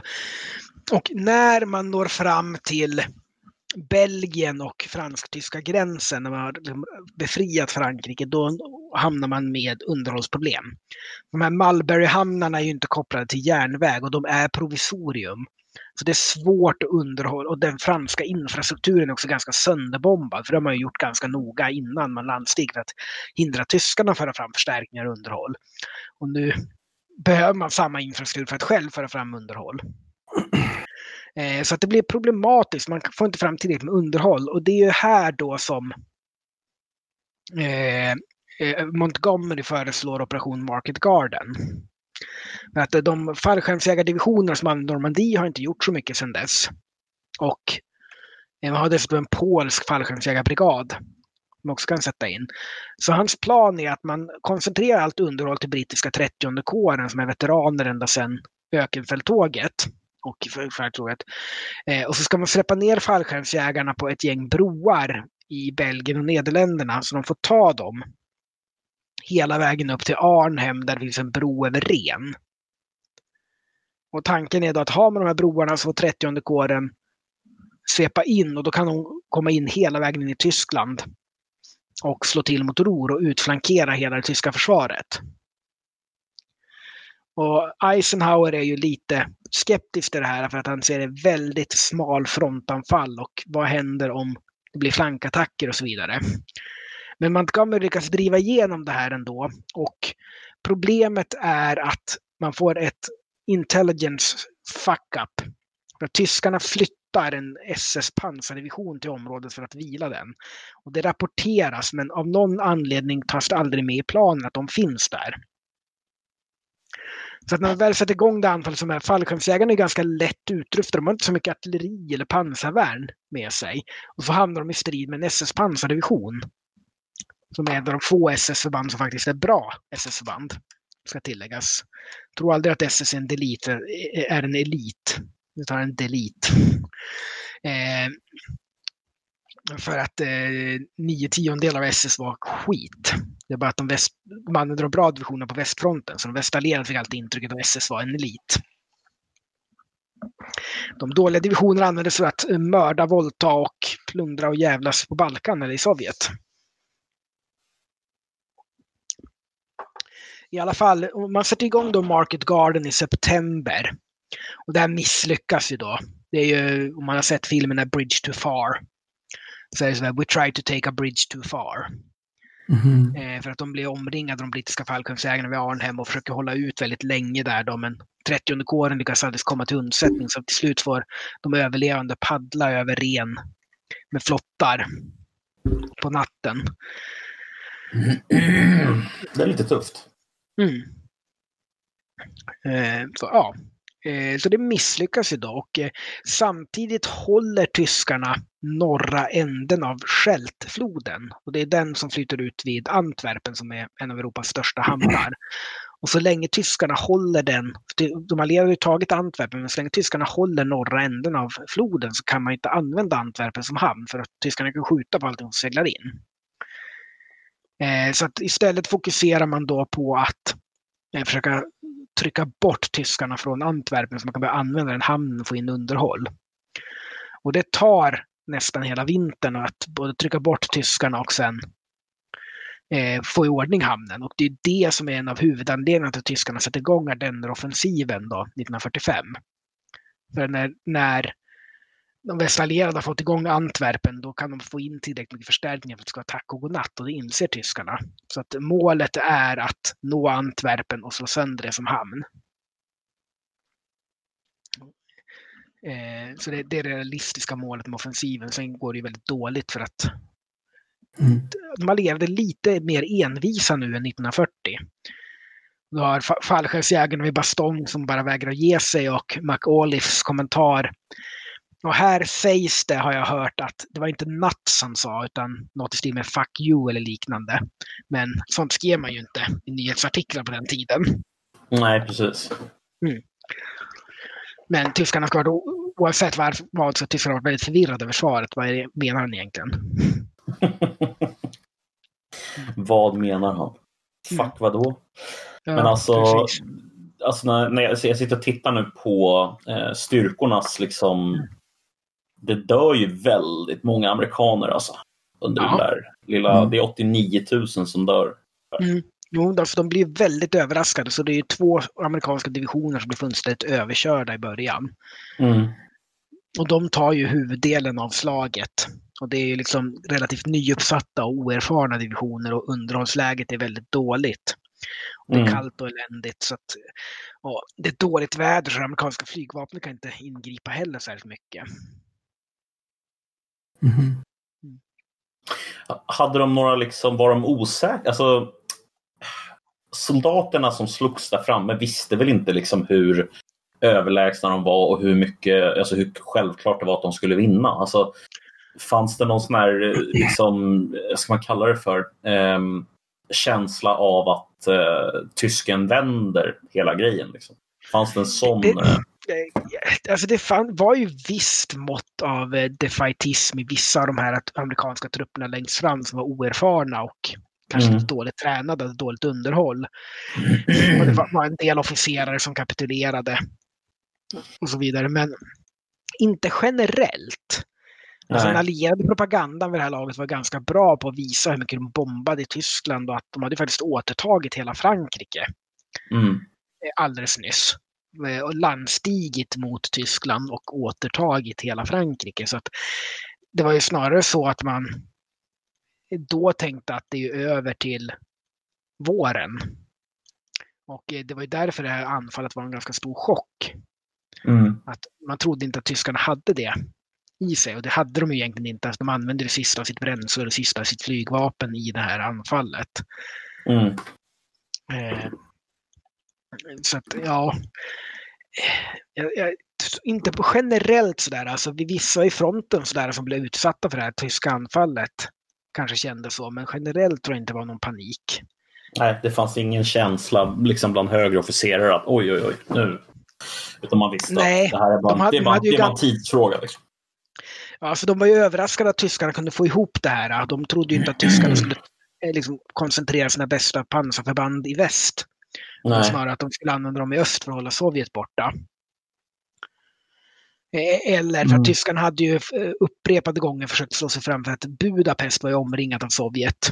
Och tyska mm. och ungerska trupper försökte ju hålla det så länge som möjligt. Och tyskarna gjorde flera offensiver då, senhösten och vintern 44-45 att försöka eh, ta sig fram till. Och de allierade trodde väl att man snarare man skulle fortsätta försöka där. Mm. Eller att man kanske skulle försöka återta en bra försvarslinje eller försöka en offensiv. Eh, Sovjeterna hade då i oktober 44 blivit uppstoppade i sina offensiv mot Ostpreussen och fått ganska stora förluster i det. Och deras underhållsläge är sådär och höstregnen stoppade dem. Och då tror man så att blir det kallt kanske Tyskland går till en motoffensiv i ett försök att återupprätta en Vistula-försvarslinje, alltså vid Warszawa att det är en bra flod som försvarslinje. eh, som då Sovjeterna hade gått över. Eh, Mm. och Att utnyttja att Sovjeterna har dåligt underhållsläge och göra det och inte att de ska anfalla i väster. Men jag tror inte det var någon, någon idé om att nej, nu kommer tyskarna ta tillbaks det här. Då Nej. visste man att flygvapnet var så överlägset och eh, trupperna så många fler och bättre att nej. Kanske kommer tyskarna ta tillbaka en del, men inte allt. Fattar. Vad, vad, vad händer efter, eh, på engelska, the battle of the bulge? Vad, liksom, vad, vad, vad tar vi vägen efter det? Alltså hur, Ja, hur, efter hur det är ju... kommer man in? Det känns som att det är över efter det, men det är inte riktigt över va? Nej, alltså det handlar ju om att dels då att Eisenhower efter Market Garden var en stor motståndare mot eh, narrow front attack, alltså att man skulle göra en attack, utan nej, vi väntar till våren när vi har fått bra, alltså när vi har rensat upp Antwerp och fått upp bra underhåll till alla trupper, när alla är redo och allting och så kör vi en bred övergång över Ren på alla Mm, ställen, inklusive fallskärmsjägare. För nu blir inga fler liksom, djupa surgical strikes. För att dels höll ju Patton på att bli avskuren när han bröts ut från Normandie när tyska femte pansararmén anföll. Och dels Mm. hade ju Mar- Market Garden misslyckats så att Eisenhower trodde inte längre på attacker på djupet på det där viset. Smal front och djup. Utan nej, nu kör vi bred front och bara väller över dem. Och då Mm. väntade de till mars då, liksom när, när det torkat upp och de hade underhållssituation för att göra det. Och då kollapsade Tyskland fullständigt. Men mellan alltså, september-oktober 44 och mars någon gång så såg det ju ut lite för tyskarna att de hade stoppat upp både Sovjet och de allierade. De hade vunnit vid både Market Garden och mot den sovjetiska offensiven mot Ostpreussen då, i oktober. Eh, och haft lite framgångar då med försöken att ta sig till Budapest och Budapest höll ut. Så att det var ju vissa som klamrade sig fast vid det hoppet att nu kan vi vända det här för nu har vi stoppat dem. Mm. Men det gick inte så bra om vi säger så. Och samtidigt, alltså, trots alla bombningar och sådär, så fortsatte den tyska industrin att producera och eh, tyska järnvägsnätet fortsatte att fungera, tyska elnätet fortsatte att fungera hela vägen till mars. Men hade inte en stor del av den tyska produktionen flyttat alltså, ner under marken? Alltså, En, en hel del, men det ska också sägas att eh, alltså, bomber var ganska ineffektiva mot mas- eh, stora maskiner. mm, Alltså som saker som stampar stål och sådär och svarva och stål och svets och stål och sådär. De var ganska bra på att klara stora metallklumpar. Liksom. De klarade bombsplitter. mm, Så det var rätt ofta när de började bomba fabriken och kollapsa fabriksbyggnaden med alla verktygen, liksom, de här stora industrimaskinerna, klarade alldeles utmärkt att fabriken kollapsade ovanpå dem och bomber exploderade i närheten. mm, Tyskarna rensade ju bara bort teglet då och satte upp en tillfällig liksom, träbyggnad runt och fortsatte producera. mm, mm. Makes sense. Men jag, jag tänker Ja. att, alltså, jag, jag vill inte bli för långrandig, men jag tänker någonstans att liksom Alltså, man ville ju ändå vara först. Alltså man, man visste ju att det var en tävling med Sovjet om att komma liksom först till Berlin. Ehm, Mm. Hur mycket påverkade för, det för, först, Eisenhower? Berlin, först i Berlin var det inget för, utan man hade delat in ockupationszoner redan då. Och eh, de västallierade skulle, alltså. ja, alltså, de västallierade skulle få ockupationszoner, men Berlin låg i den sovjetiska operationssfären. Mm. Det var längs Weser man ha- hade delningen av Tyskland. Alltså vem- vem som skulle operera och slå ut tyskarna var. Mm. Och det ska ju sägas att eh, när tyskarna slår i- sig, eller sovjeterna slår sig över Oder och sen över Seelovhöjderna som är sista åsryggen innan Berlin. Eh, så, eh, och det, om alla som har sett Der Untergang känner igen den här scenen då där eh, Tyskland där eh, Hitler beordrar eh, 12 armén att vända om. Den är på väg till västfronten för att hålla i läget där man kan ta spårvagnen mellan öst och västfronten. Eh, för att hålla amerikanerna och britterna borta. Att den ska vända och slå sig igenom Sovjeterna till Berlin och hjälpa Berlins försvar. Mm. Men to- 12 armén bestämmer sig för att nej, det här är över och bestämmer sig istället för att slå sig fram till nionde armén som är omringad sydost om Berlin. För att Den har varit på södra änden av den, tysk, av den tyska fronten vid Selovhöjden och Sovjeterna har kört förbi den och omringat den mot, på väg mot Berlin. Så att de slår sig fram till dem och samlar upp nionde armén och sen slår de sig igenom tre sovjetiska linjer för att ta sig till Weser och ta sig över. Och sovjeterna bombarderar dem så mycket och det är liksom 50 till 70 000 soldater och ett par hundratusen civila i det här tåget då. Mm. Eh, som slår sig igenom de sovjetiska linjerna då och till Weser och så tar de sig över och amerikanerna som är på andra sidan är tvungna att dra sig tillbaka en kilometer för att sovjeterna öser så mycket artilleri över de här tyskarna så att de håller på att träffa amerikanerna. På andra sidan floden. Men de slår sig igenom bara för att få kapitulera till amerikanerna istället för eh, till sovjeterna. Mm. Och, det, och, det, är samma sak, alltså det som är kvar av eh, den kroatiska fasciststatens armé slår sig igenom Slovenien och partisanerna och sovjeterna där för att ta sig upp till Österrike och kapitulera till britterna. Mm. Men det hade de inte mycket för, för britterna lämnade över dem till Tito. Och han var inte, inte så trevlig. Inte alla ska vi, ska vi nämna. Inte alla. alla. Nej, nej, precis. Men de som i armén där som får upp och kapitulera i Österrike. Ja, jag tänker mest väl kanske på några från Ustasja som eh, hamnade mm. i eh, katolska, eh, ja, och sen i Argentina så att säga. Precis, och sen började bomba saker på 70-talet. Exakt. Mm. Men eh, den här tyska kollapsen som kommer då i mars-april 1945 är ju total. Mm. Eh, och allting upphör att fungera i princip. Eh, och det, det, ska också sägas att eh, tappar jag tråden här lite grann.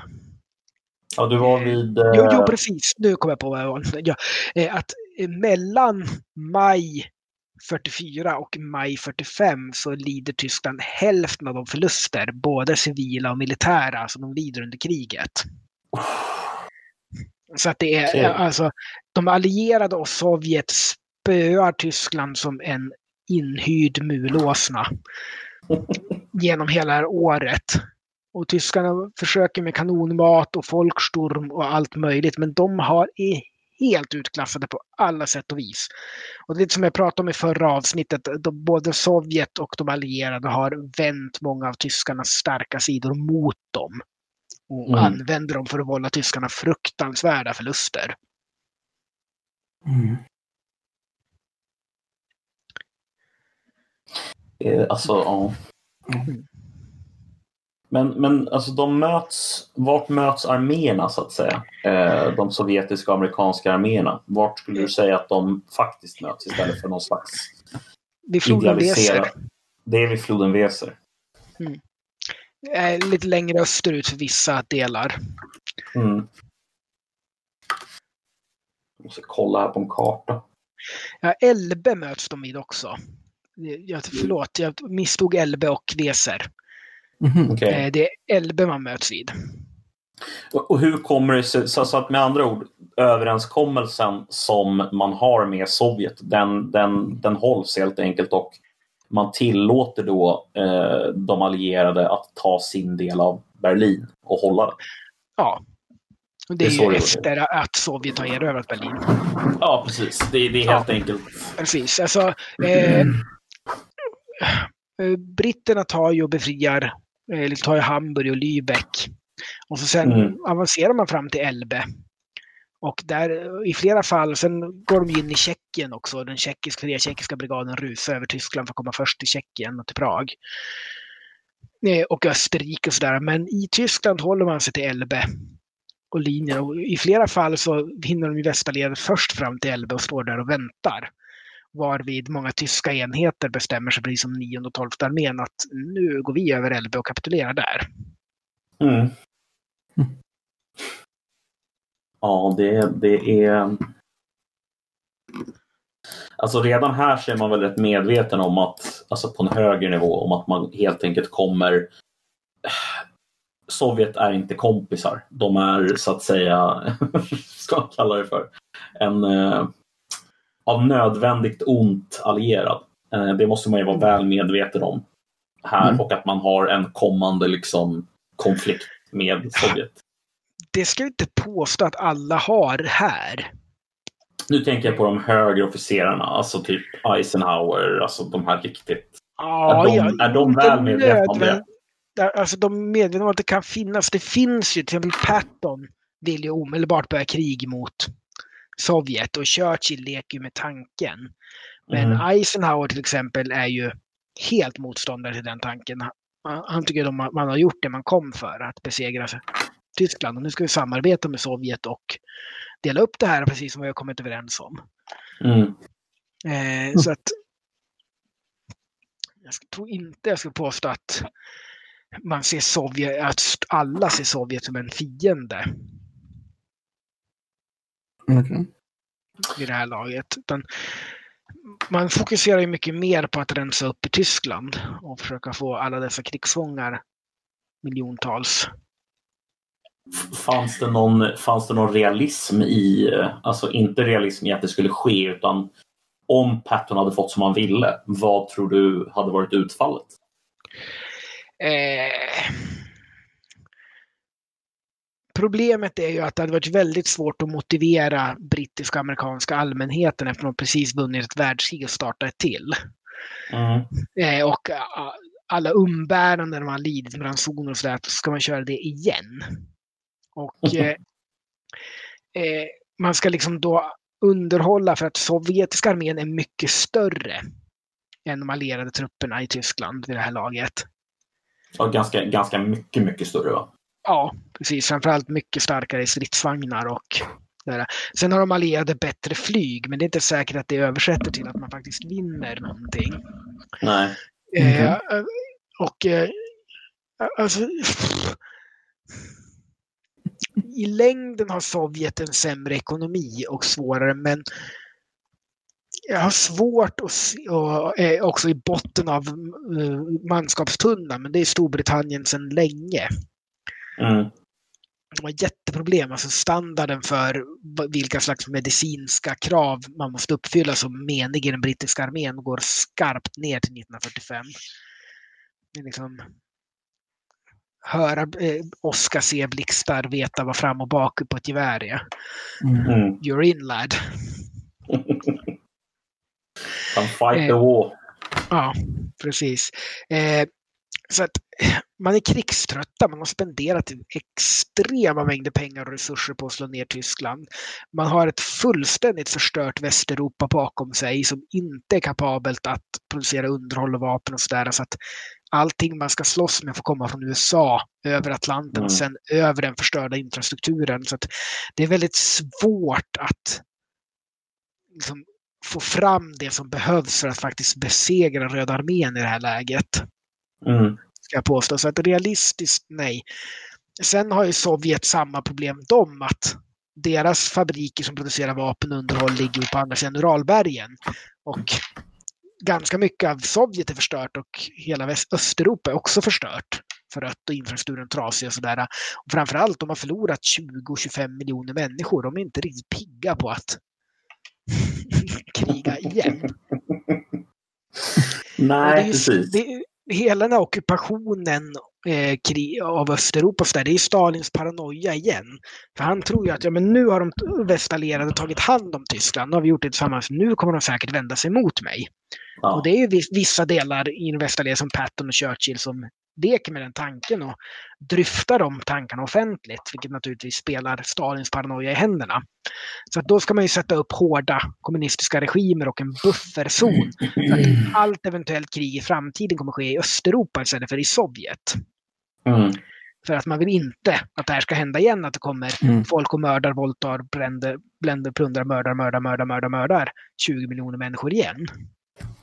Eller 25 miljoner beroende på Mm. Eh, och så att eh, Sovjet, det är ju Stalins paranoia eh, som är, leder till mycket av Sovjets fientliga attityd. Kan vi inte säga hela, fortfarande en viss paranoia kring att ha buffertstater? Alltså... Absolut, men det är ju det är ju en grej, nu kommer vi ju helt ifrån andra världskriget, men Ryssland som kultur har ett långt historiskt minne. Mm. Och eh, de är inte medvetna om att andra länder inte har samma långa historiska minne. Nej. Och, och eh, Ryssland kommer ihåg Times of Trouble när de var som svagast och inte hade någon stark ledare och alla invaderade dem och de hade inbördeskrig och elände. Eh, och de kommer ihåg första världskriget när inkompetent ledarskap och eh, liksom dålig industrialisering leder till att de förlorar ett krig Mm. och kollapsar som samhälle och svält och inbördeskrig. Och de kommer ihåg andra världskriget när och, eh, alla var emot dem. Trodde man ju från början. Så det var ju väldigt mycket antikommunism i resten av världen också. Och Tyskland mördar 25 miljoner människor. Så att de har det här långa historiska minnet och agerar mycket utifrån Mm. det och agerar ofta, eller tror att andra agerar på samma vis. Mm. Och det är sådär att det är därför de pratar om att ja, men när Sverige klagar på att Sovjet rustar upp en sådär, ja men ni, eh, Sovjet, eller förlåt, Sovjet, Ryssland är det förstås. Mm, haha, that's what we, wanted you to think. Simpsons-avsnittet. Mm, Just det. Eh, mm. eh, men eh, så att när Sverige ifrågasätter så är sovjetiska, höll på att säga, igen, ryska framstötar och sådär. Så att ja, men nu försöker ni bara få revansch för Poltava. Och jag garanterar er att 70 procent av svenska befolkningen vet inte ens vad Poltava är för något. Nej, precis. Exakt. Nej. Men eh, det är så man har det långa historiska minnet i Ryssland och ibland tror de att andra har samma långa historiska minne fast de inte har det. Mm. Och man kan ju säga det så här, för allting coolt med stormakt och äh, militär ära och så där, det är generellt bättre att bo i ett land som är stort och starkt nog att inte bli invaderat men också inte har några stormaktsambitioner. Mm. För generellt, att slippa gå i krig och betala för krig är trevligt om du vill leva ett bra liv. Precis. Ska vi, ska vi lämna det på, på den eh, liksom, eh, vackra lilla avslutningen där? Eller har du något mer du skulle vilja, vilja ta upp innan vi är klara för idag? Vi, vi bör väl ta det sista i Stilla havet också Mm. innan vi blir klara. Så Yes. de inte är så stilla vid den här tiden. eh, och det går ju väldigt, väldigt Ja. dåligt för japanerna och de utvecklar ju sin flottdoktrin att är det avgörande slaget och bestämmer sig för att dra sig tillbaks och spara sina resurser och försöka eh, då driva ner amerikanerna medan de driver framåt mot Filippinerna så, där, så ska de ha ett avgörande flottslag. Och det blir ju ett flottslag och japanerna förlorar ju det stort. Och sen är det It's all over but the fat lady singing. Eh, för, även för Japan. De får inte Mm. fram några resurser, det blir svält för deras... De är väldigt beroende av kustsjöfart för sin interna transport och logistik. Och bland annat att frakta ris från landsbygden till städerna och sådär. Och det blir sänkt alltihop, för amerikanerna behärskar ju luftrummet över Japan totalt.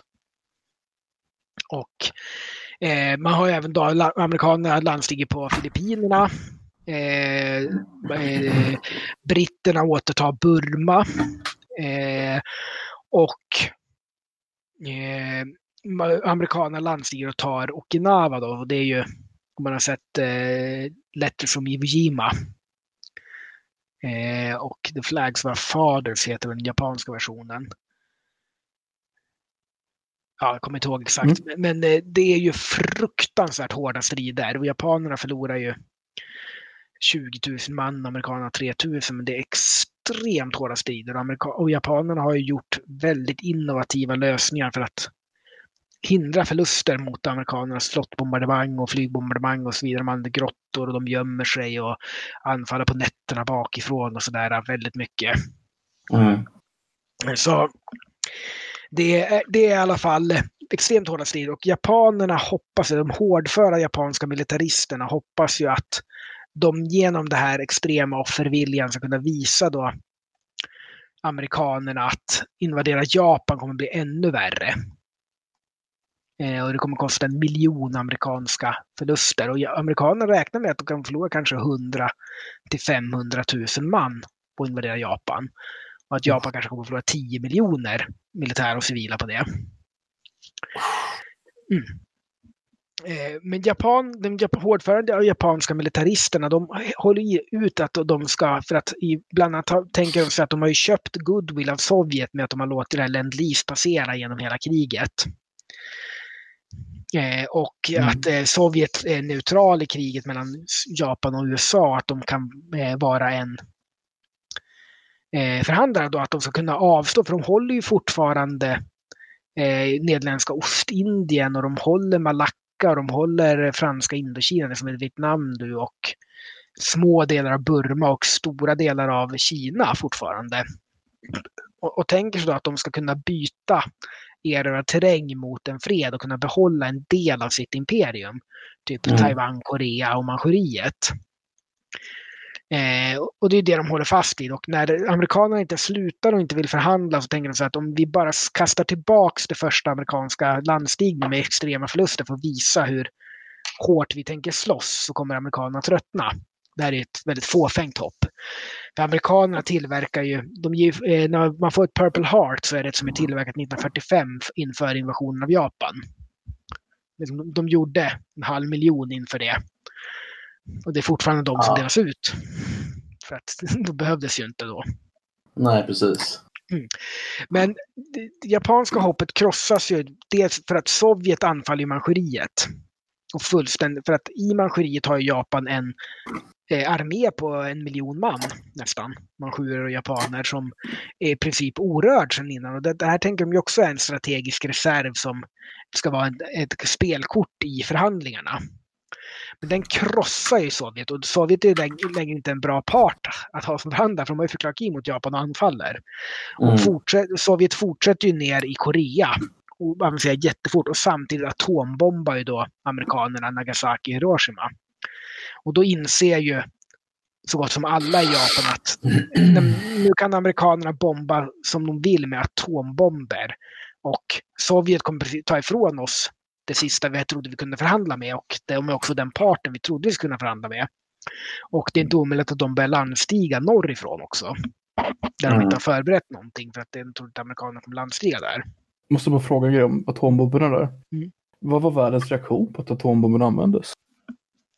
Det var ju stor fascination, det var jättestora nyheter.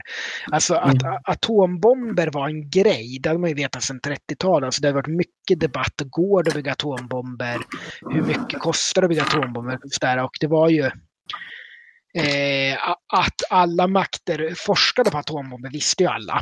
Men ingen visste ju mm. att någon faktiskt hade utom amerikanerna och britterna, britterna som amerikanerna informerade att amerikanerna faktiskt hade färdiga atombomber. Sen hade amerikanerna faktiskt bara fyra stycken redo. En testade de med och två bombar de med.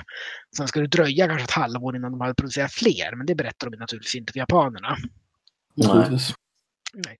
Eh, och, men trots det här då att eh, blivit atombombad och att Sovjet har gjort så här. Så att när kejsaren eh, ska hålla sitt tal dock berätta för japanska folket att kriget har in, utvecklats inte nödvändigtvis i Japan, till Japans fördel.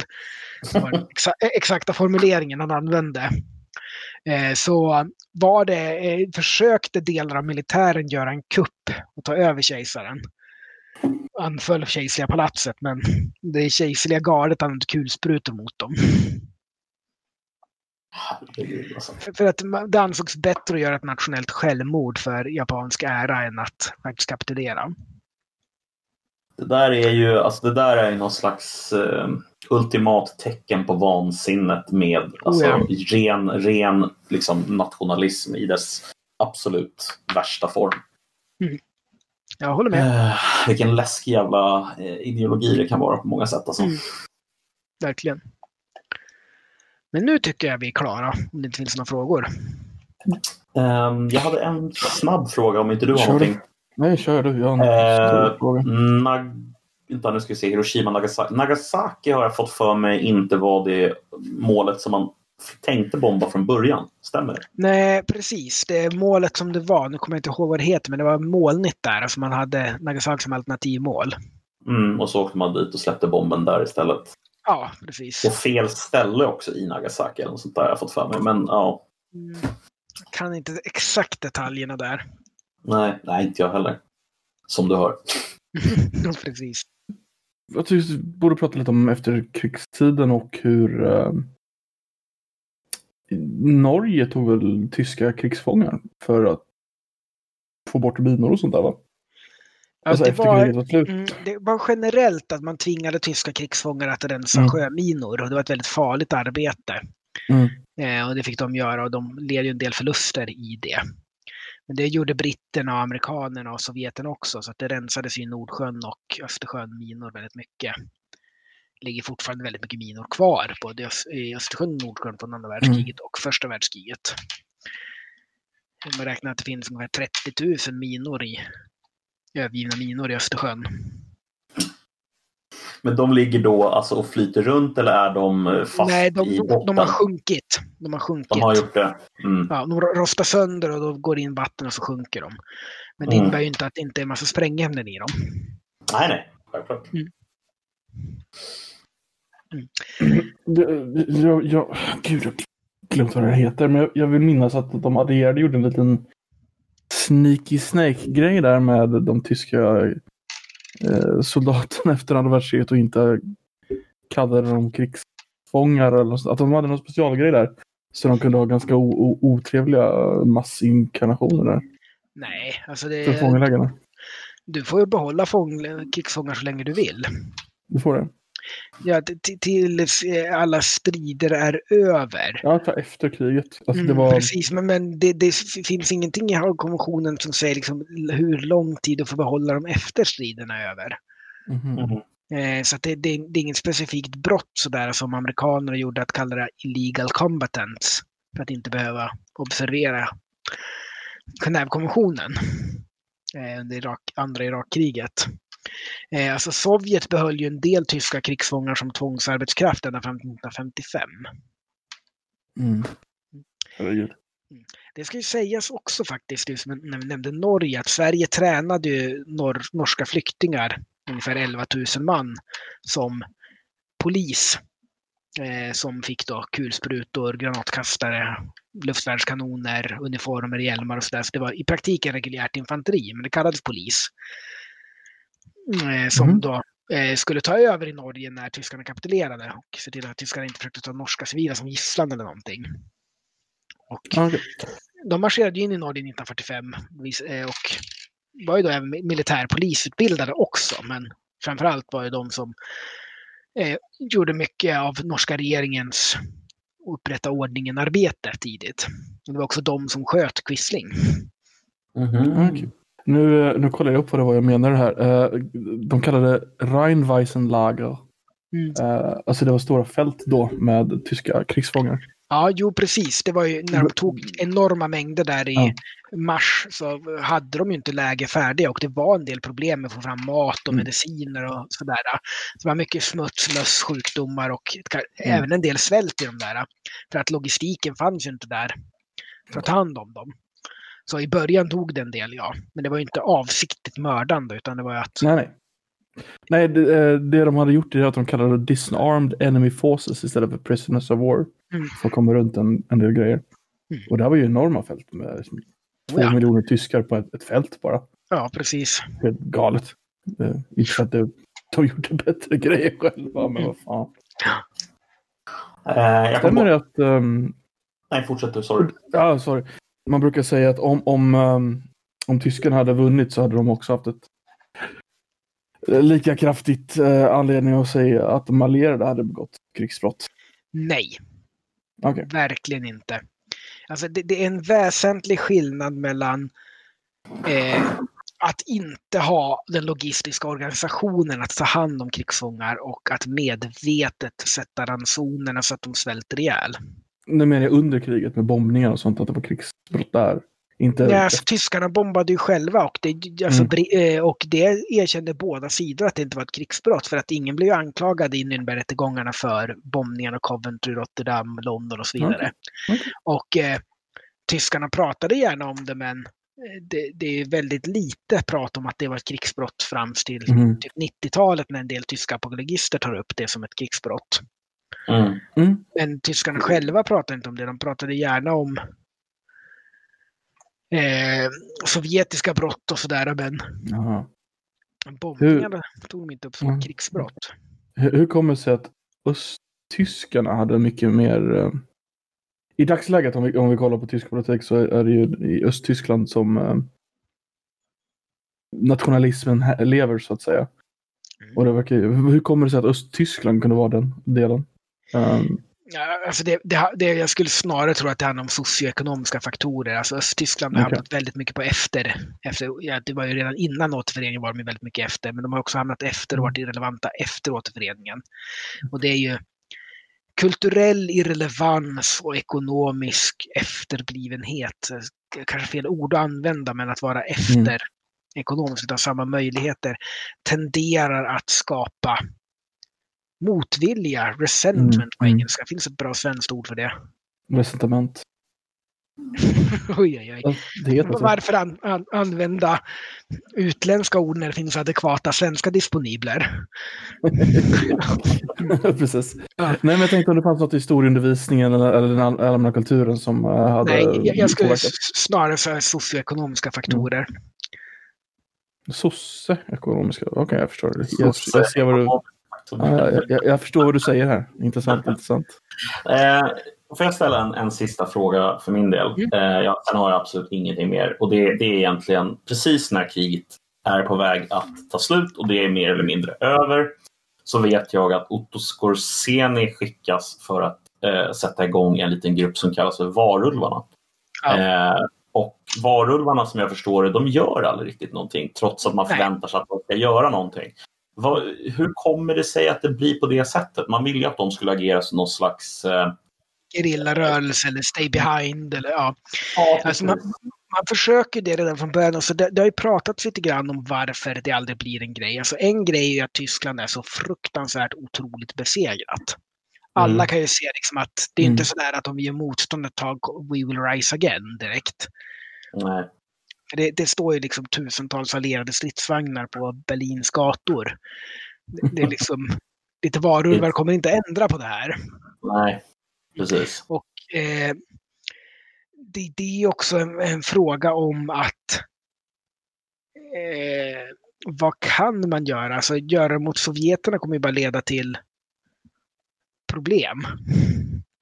För civilbefolkningen. så. Alltså, nej men, eh, en del eh, förklaringar jag har sett är att den tyska mentaliteten inte lånar sig till gerillakrigsföring. För den är ju ganska auktoritetstroende under den här tiden och att man lyder Mm. den som har makten och det är de allierade som har makten i Tyskland. Mm, jo, Sovjet. Då får man ta Så- det. Mm. Den här revolutionära eller eh, motståndsandan finns inte riktigt på samma vis. Man, vet man någonting om huruvida de här människorna som skulle varit en del av eh, eh, varulvarna blev en del av liksom, eh, trupperna som, eller trupperna, ci- civila då, som hjälpte till att föra ut krigsbrottslingar, alltså ut ur landet och bort mot Mm. Det, är möjligt. Alltså, det var ju en väldigt blandad uppsättning där. Alltså, varulvarna var ju ett rätt dödfött projekt redan från början. Det var inte särskilt många och särskilt mycket bra träning hade de inte heller. Nej. Så det var ju en fis i världsrymden medan de organisationer som bakom kulisserna lät folk smita och hjälpte dem att kunna smita och sådär var ju betydligt mer extensiva. Men samtidigt Mm. inte alls lika intensiva. Det var ju mer sådär att du gör ditt vanliga jobb och så ser du till att Kalle, kompis Kalles kusins farsa som bara hamnade i olyckliga omständigheter på östfronten kan få resa iväg. Mm, precis. Mm. Ja, nej, men det, ja, det var jättebra svar på min fråga. Tack. Eh, Ja. Sydamerika, hur många var det som flydde, flydde dit? Sådär. Jag har inga exakta siffror. Men det var ganska många, eller hur? Mm. Alltså förvånansvärt många, eller? Ja, hundratals i alla fall. Mm. Hade de en större inverkan på det? Det var väl primärt, eh, vad fan heter landet? Argentina. Argentina. Mm. Och även lite Chile också har jag förstått va? Och Bolivia. Mm. Mm. Hade det någon större inverkan på det- dessa länders... Eh, Alltså de samarbetade ju en hel del med eh, lokala diktatorer. Mm. Eh, bland annat Barbie var ju högst uppsatt i administrationen i flera länder. I flera, i flera Ja. länder. Han flydde från det till ett annat. Jaha, så, Upptäckt. um, Ja, Ja, just inte samtidigt utan efter varandra. Ja, nu ska vi i och för sig kanske erkänna också att många av de här sågs ju som en potentiell, ska man kalla det för, de hade ju väldigt mycket erfarenhet av att slåss med Sovjet och de Ja. amerikanska underrättelsestyrkorna hade ju kunnat plocka dem när de ville men medvetet gjorde man ju inte det. Därför att Mm. man visste att om man någonsin hamnade i en sådan situation så skulle man kunna använda deras expertis för att, ja, Ja, precis. så att, ja. Det finns en De teori har om att Josef eh, Mengele flydde till, till Chile i den här... Jag vet inte om du vet vad Colonial Dignidad är? Är det den du? staden eller? Ja, den här tyska staden i, Chile, Colonial Dignidad. Nu, numera Villa Bavaria. Mm. Det är alltså en helt helt, helt tysk stad, eller hur? Ja. I, I Chile. Precis. Adolf Hitlers livvakt är faktiskt begravd där. Mm. Mm. Ja. Ja. Jag kommer inte ens ihåg frågan. Nej, men det är, det är intressant. Alltså det, Det är sjukt jag, jag, jag, är ju, jag är ju personligen, och jag vet att du inte är det Adler, eller jag har förstått det som att du inte är det, men jag är ju personligen mycket mer intresserad egentligen av eh, så här, jag, jag ser det så här, och rätta mig om jag har fel, men våran eh, moderna värld eh, är på något sätt definierad av allting som sker Mm. eh, egentligen efter andra världskriget. Eller eh, andra världskriget är starten på våra moderna eh, makt, eh, våra moderna maktförhållanden och maktbalansen. Mm. Och det blir på något sätt väldigt, väldigt, väldigt intressant vad som sker precis de närmaste säg 20-30 åren precis efter andra världskriget. De åren är jävligt intressanta. Eh, Mm. För mig i alla fall. Eh, Ja. Mm. Men jag rättar dig här då eftersom du har fel. ja, rätta, mig. Den intressanta tiden är fram till 1945. Punkt. Till 1945. Till och med Wow, 1945. wow. Kalla kriget är bättre. Det, det, det vet du. Vi, vi har 10 000 stridsvagnar som tittar på varandra i 60 år. Yes! Du vill ha krig. Du vill ha krig. Menar, alltså, det, det, det är ju inget episkt med att titta på varandra. Nej, Mm. eh, det är väl i och för sig sant. Men eh, alltså, På, på, på något sätt är det väl tur sen också. avslutas det med Nej, nu orkar inte vi mer. Nu kollapsar vi. Hej då. Men det, Det är händer liksom- intressant under den här perioden, under den här tiden, som gör Ja, att det gör det. Jag är jätteraljant. Men Jag om jag ska föra fram mina argument. Jag tycker världen blir mycket mer bipolär istället för multipolär. Mm. Det är mycket mindre intressanta små konflikter och eh, konflikter intressen och sådär. Så det är väst och det är öst. Mm. Och det, det är det som finns liksom och allting handlar om bara om de två. Liksom. Innan har du Frankrikes kolonialintressen i Vietnam och eh, Thailands försök att återta territorium där och du har eh, Chaco-kriget mellan eh, Peru och Bolivia och du har eh, eh, Mussolinis försök att slå ner eh, muslimska rebeller i Libyen och du har Etiopien som enda icke-koloniserade land och deras försök att slå italienska invasioner. Så du har så många och mångfacetterade konflikter och historier i världen som Mm. är, har sina Mm. helt egna motivatorer och orsaker och ursprung och eh, effekter. Det är liksom, jag, jag ser det som att eh, när du har kalla kriget, då har du två bomber som trillar ner i en sjö. Det- du, har- det är du har ju en del sånt där Ja. fram till typ 60-talet. Men sen är det ju... Med, medans eh, tiden innan är ett regn på en sjö. Det finns jättemånga små plask med Mm. alla sina egna små vågor och anledningar. Och det är mycket mer intressant när världen är mycket mer mångfacetterad, tycker jag. Men- det är därför jag- jag finner tiden innan kalla kriget mer fascinerande än under och efter. Det köper jag till 100 procent. Men, men får jag fråga dig en sak då om, om själva den här sjön som du pratar om. Håller du med om att det finns en så att säga en vågbrytare i den sjön och att väldigt få av de sakerna som ramlar i den sjön som sker innan 1945 har någon enorm påverkan på oss idag rent politiskt? Eh, där tycker jag du har helt och hållet fel. Låt höra. När uppstår liberalismen? Ja, alltså den uppstår ju liksom väldigt tidigt, 1800-talet. Men, Precis. men, men det, är inte- riktigt så jag menar. systemet. När uppstår det Jo, kapitalistiska absolut. systemet? Men det är inte riktigt När uppstår den transatlantiska handeln? Jo, när jo. uppstår USA som stat? När skaffar sig USA stormaktsambitioner? Alltså, allt, ja, precis. Backa väldigt långt. jag backar, jag backar. Ja. Alltså, sätt igång och göra- pip som en lastbil för din breda röv ska backa långt nu. Bara, Låt, låt, mig, låt mig försöka göra en poäng bara av, av det jag säger. Låt mig försöka göra någon, någon poäng här bara. Vad jag försöker säga är någonstans att eh, om man tittar på eh, politiker som inte lever nu men som kanske levde under 90-talet och som levde under 80-talet som politiker som våra levande politiker idag faktiskt kände och arbetade med. Så, så har de ofta kopplingar tillbaka till det som eh, man skulle kunna kalla för den vågbrytaren. Alltså, det finns inte så mycket koppling till det som skedde innan. Är du med? Alltså det, det, det, Ja, det, förändrade, det förändrade det politiska landskapet så mycket så att allting som skedde innan var inte speciellt relevant i förhållande till deras politiska gärning. Eh, jag tycker du har lite fel där också. Ta till exempel Thatcher som desperat försökte stoppa Tysklands återförening. Mm. För att hon Mm. var djupt grundad i att Tyskland är ett land som är ett fiende till Storbritannien. Mm. Och det är från en tid innan din vågbrytare. Hon agerar Mm.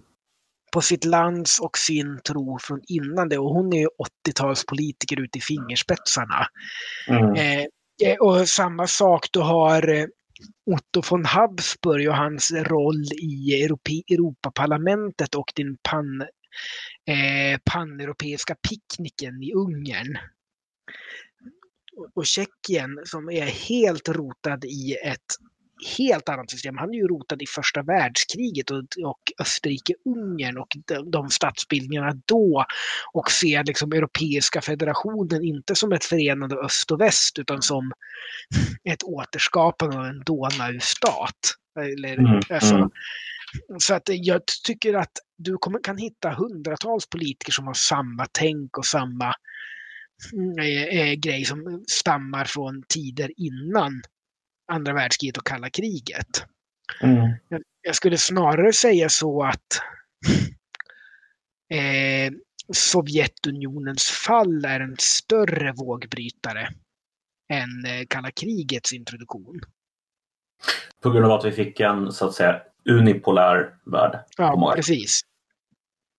Att du får förhålla dig till eh, situationen som vi har nu är, har så lite kontakt med kalla kriget. Och Mm. politik som förs och sådär har väldigt lite kontakt med kalla kriget och dess grundvalar då. Det är liksom de frusna konflikterna i före detta Sovjetrepubliker möjligtvis. Fast nej, de är ju bara resultat av Sovjets sönderfall och tiden efter kalla kriget. Transnistrien. Ja. Sydossetien, Abchazien, ja. Jag köper det svaret. Mm. Jag köper det. Mm. Pip som en lastbil som backar nu.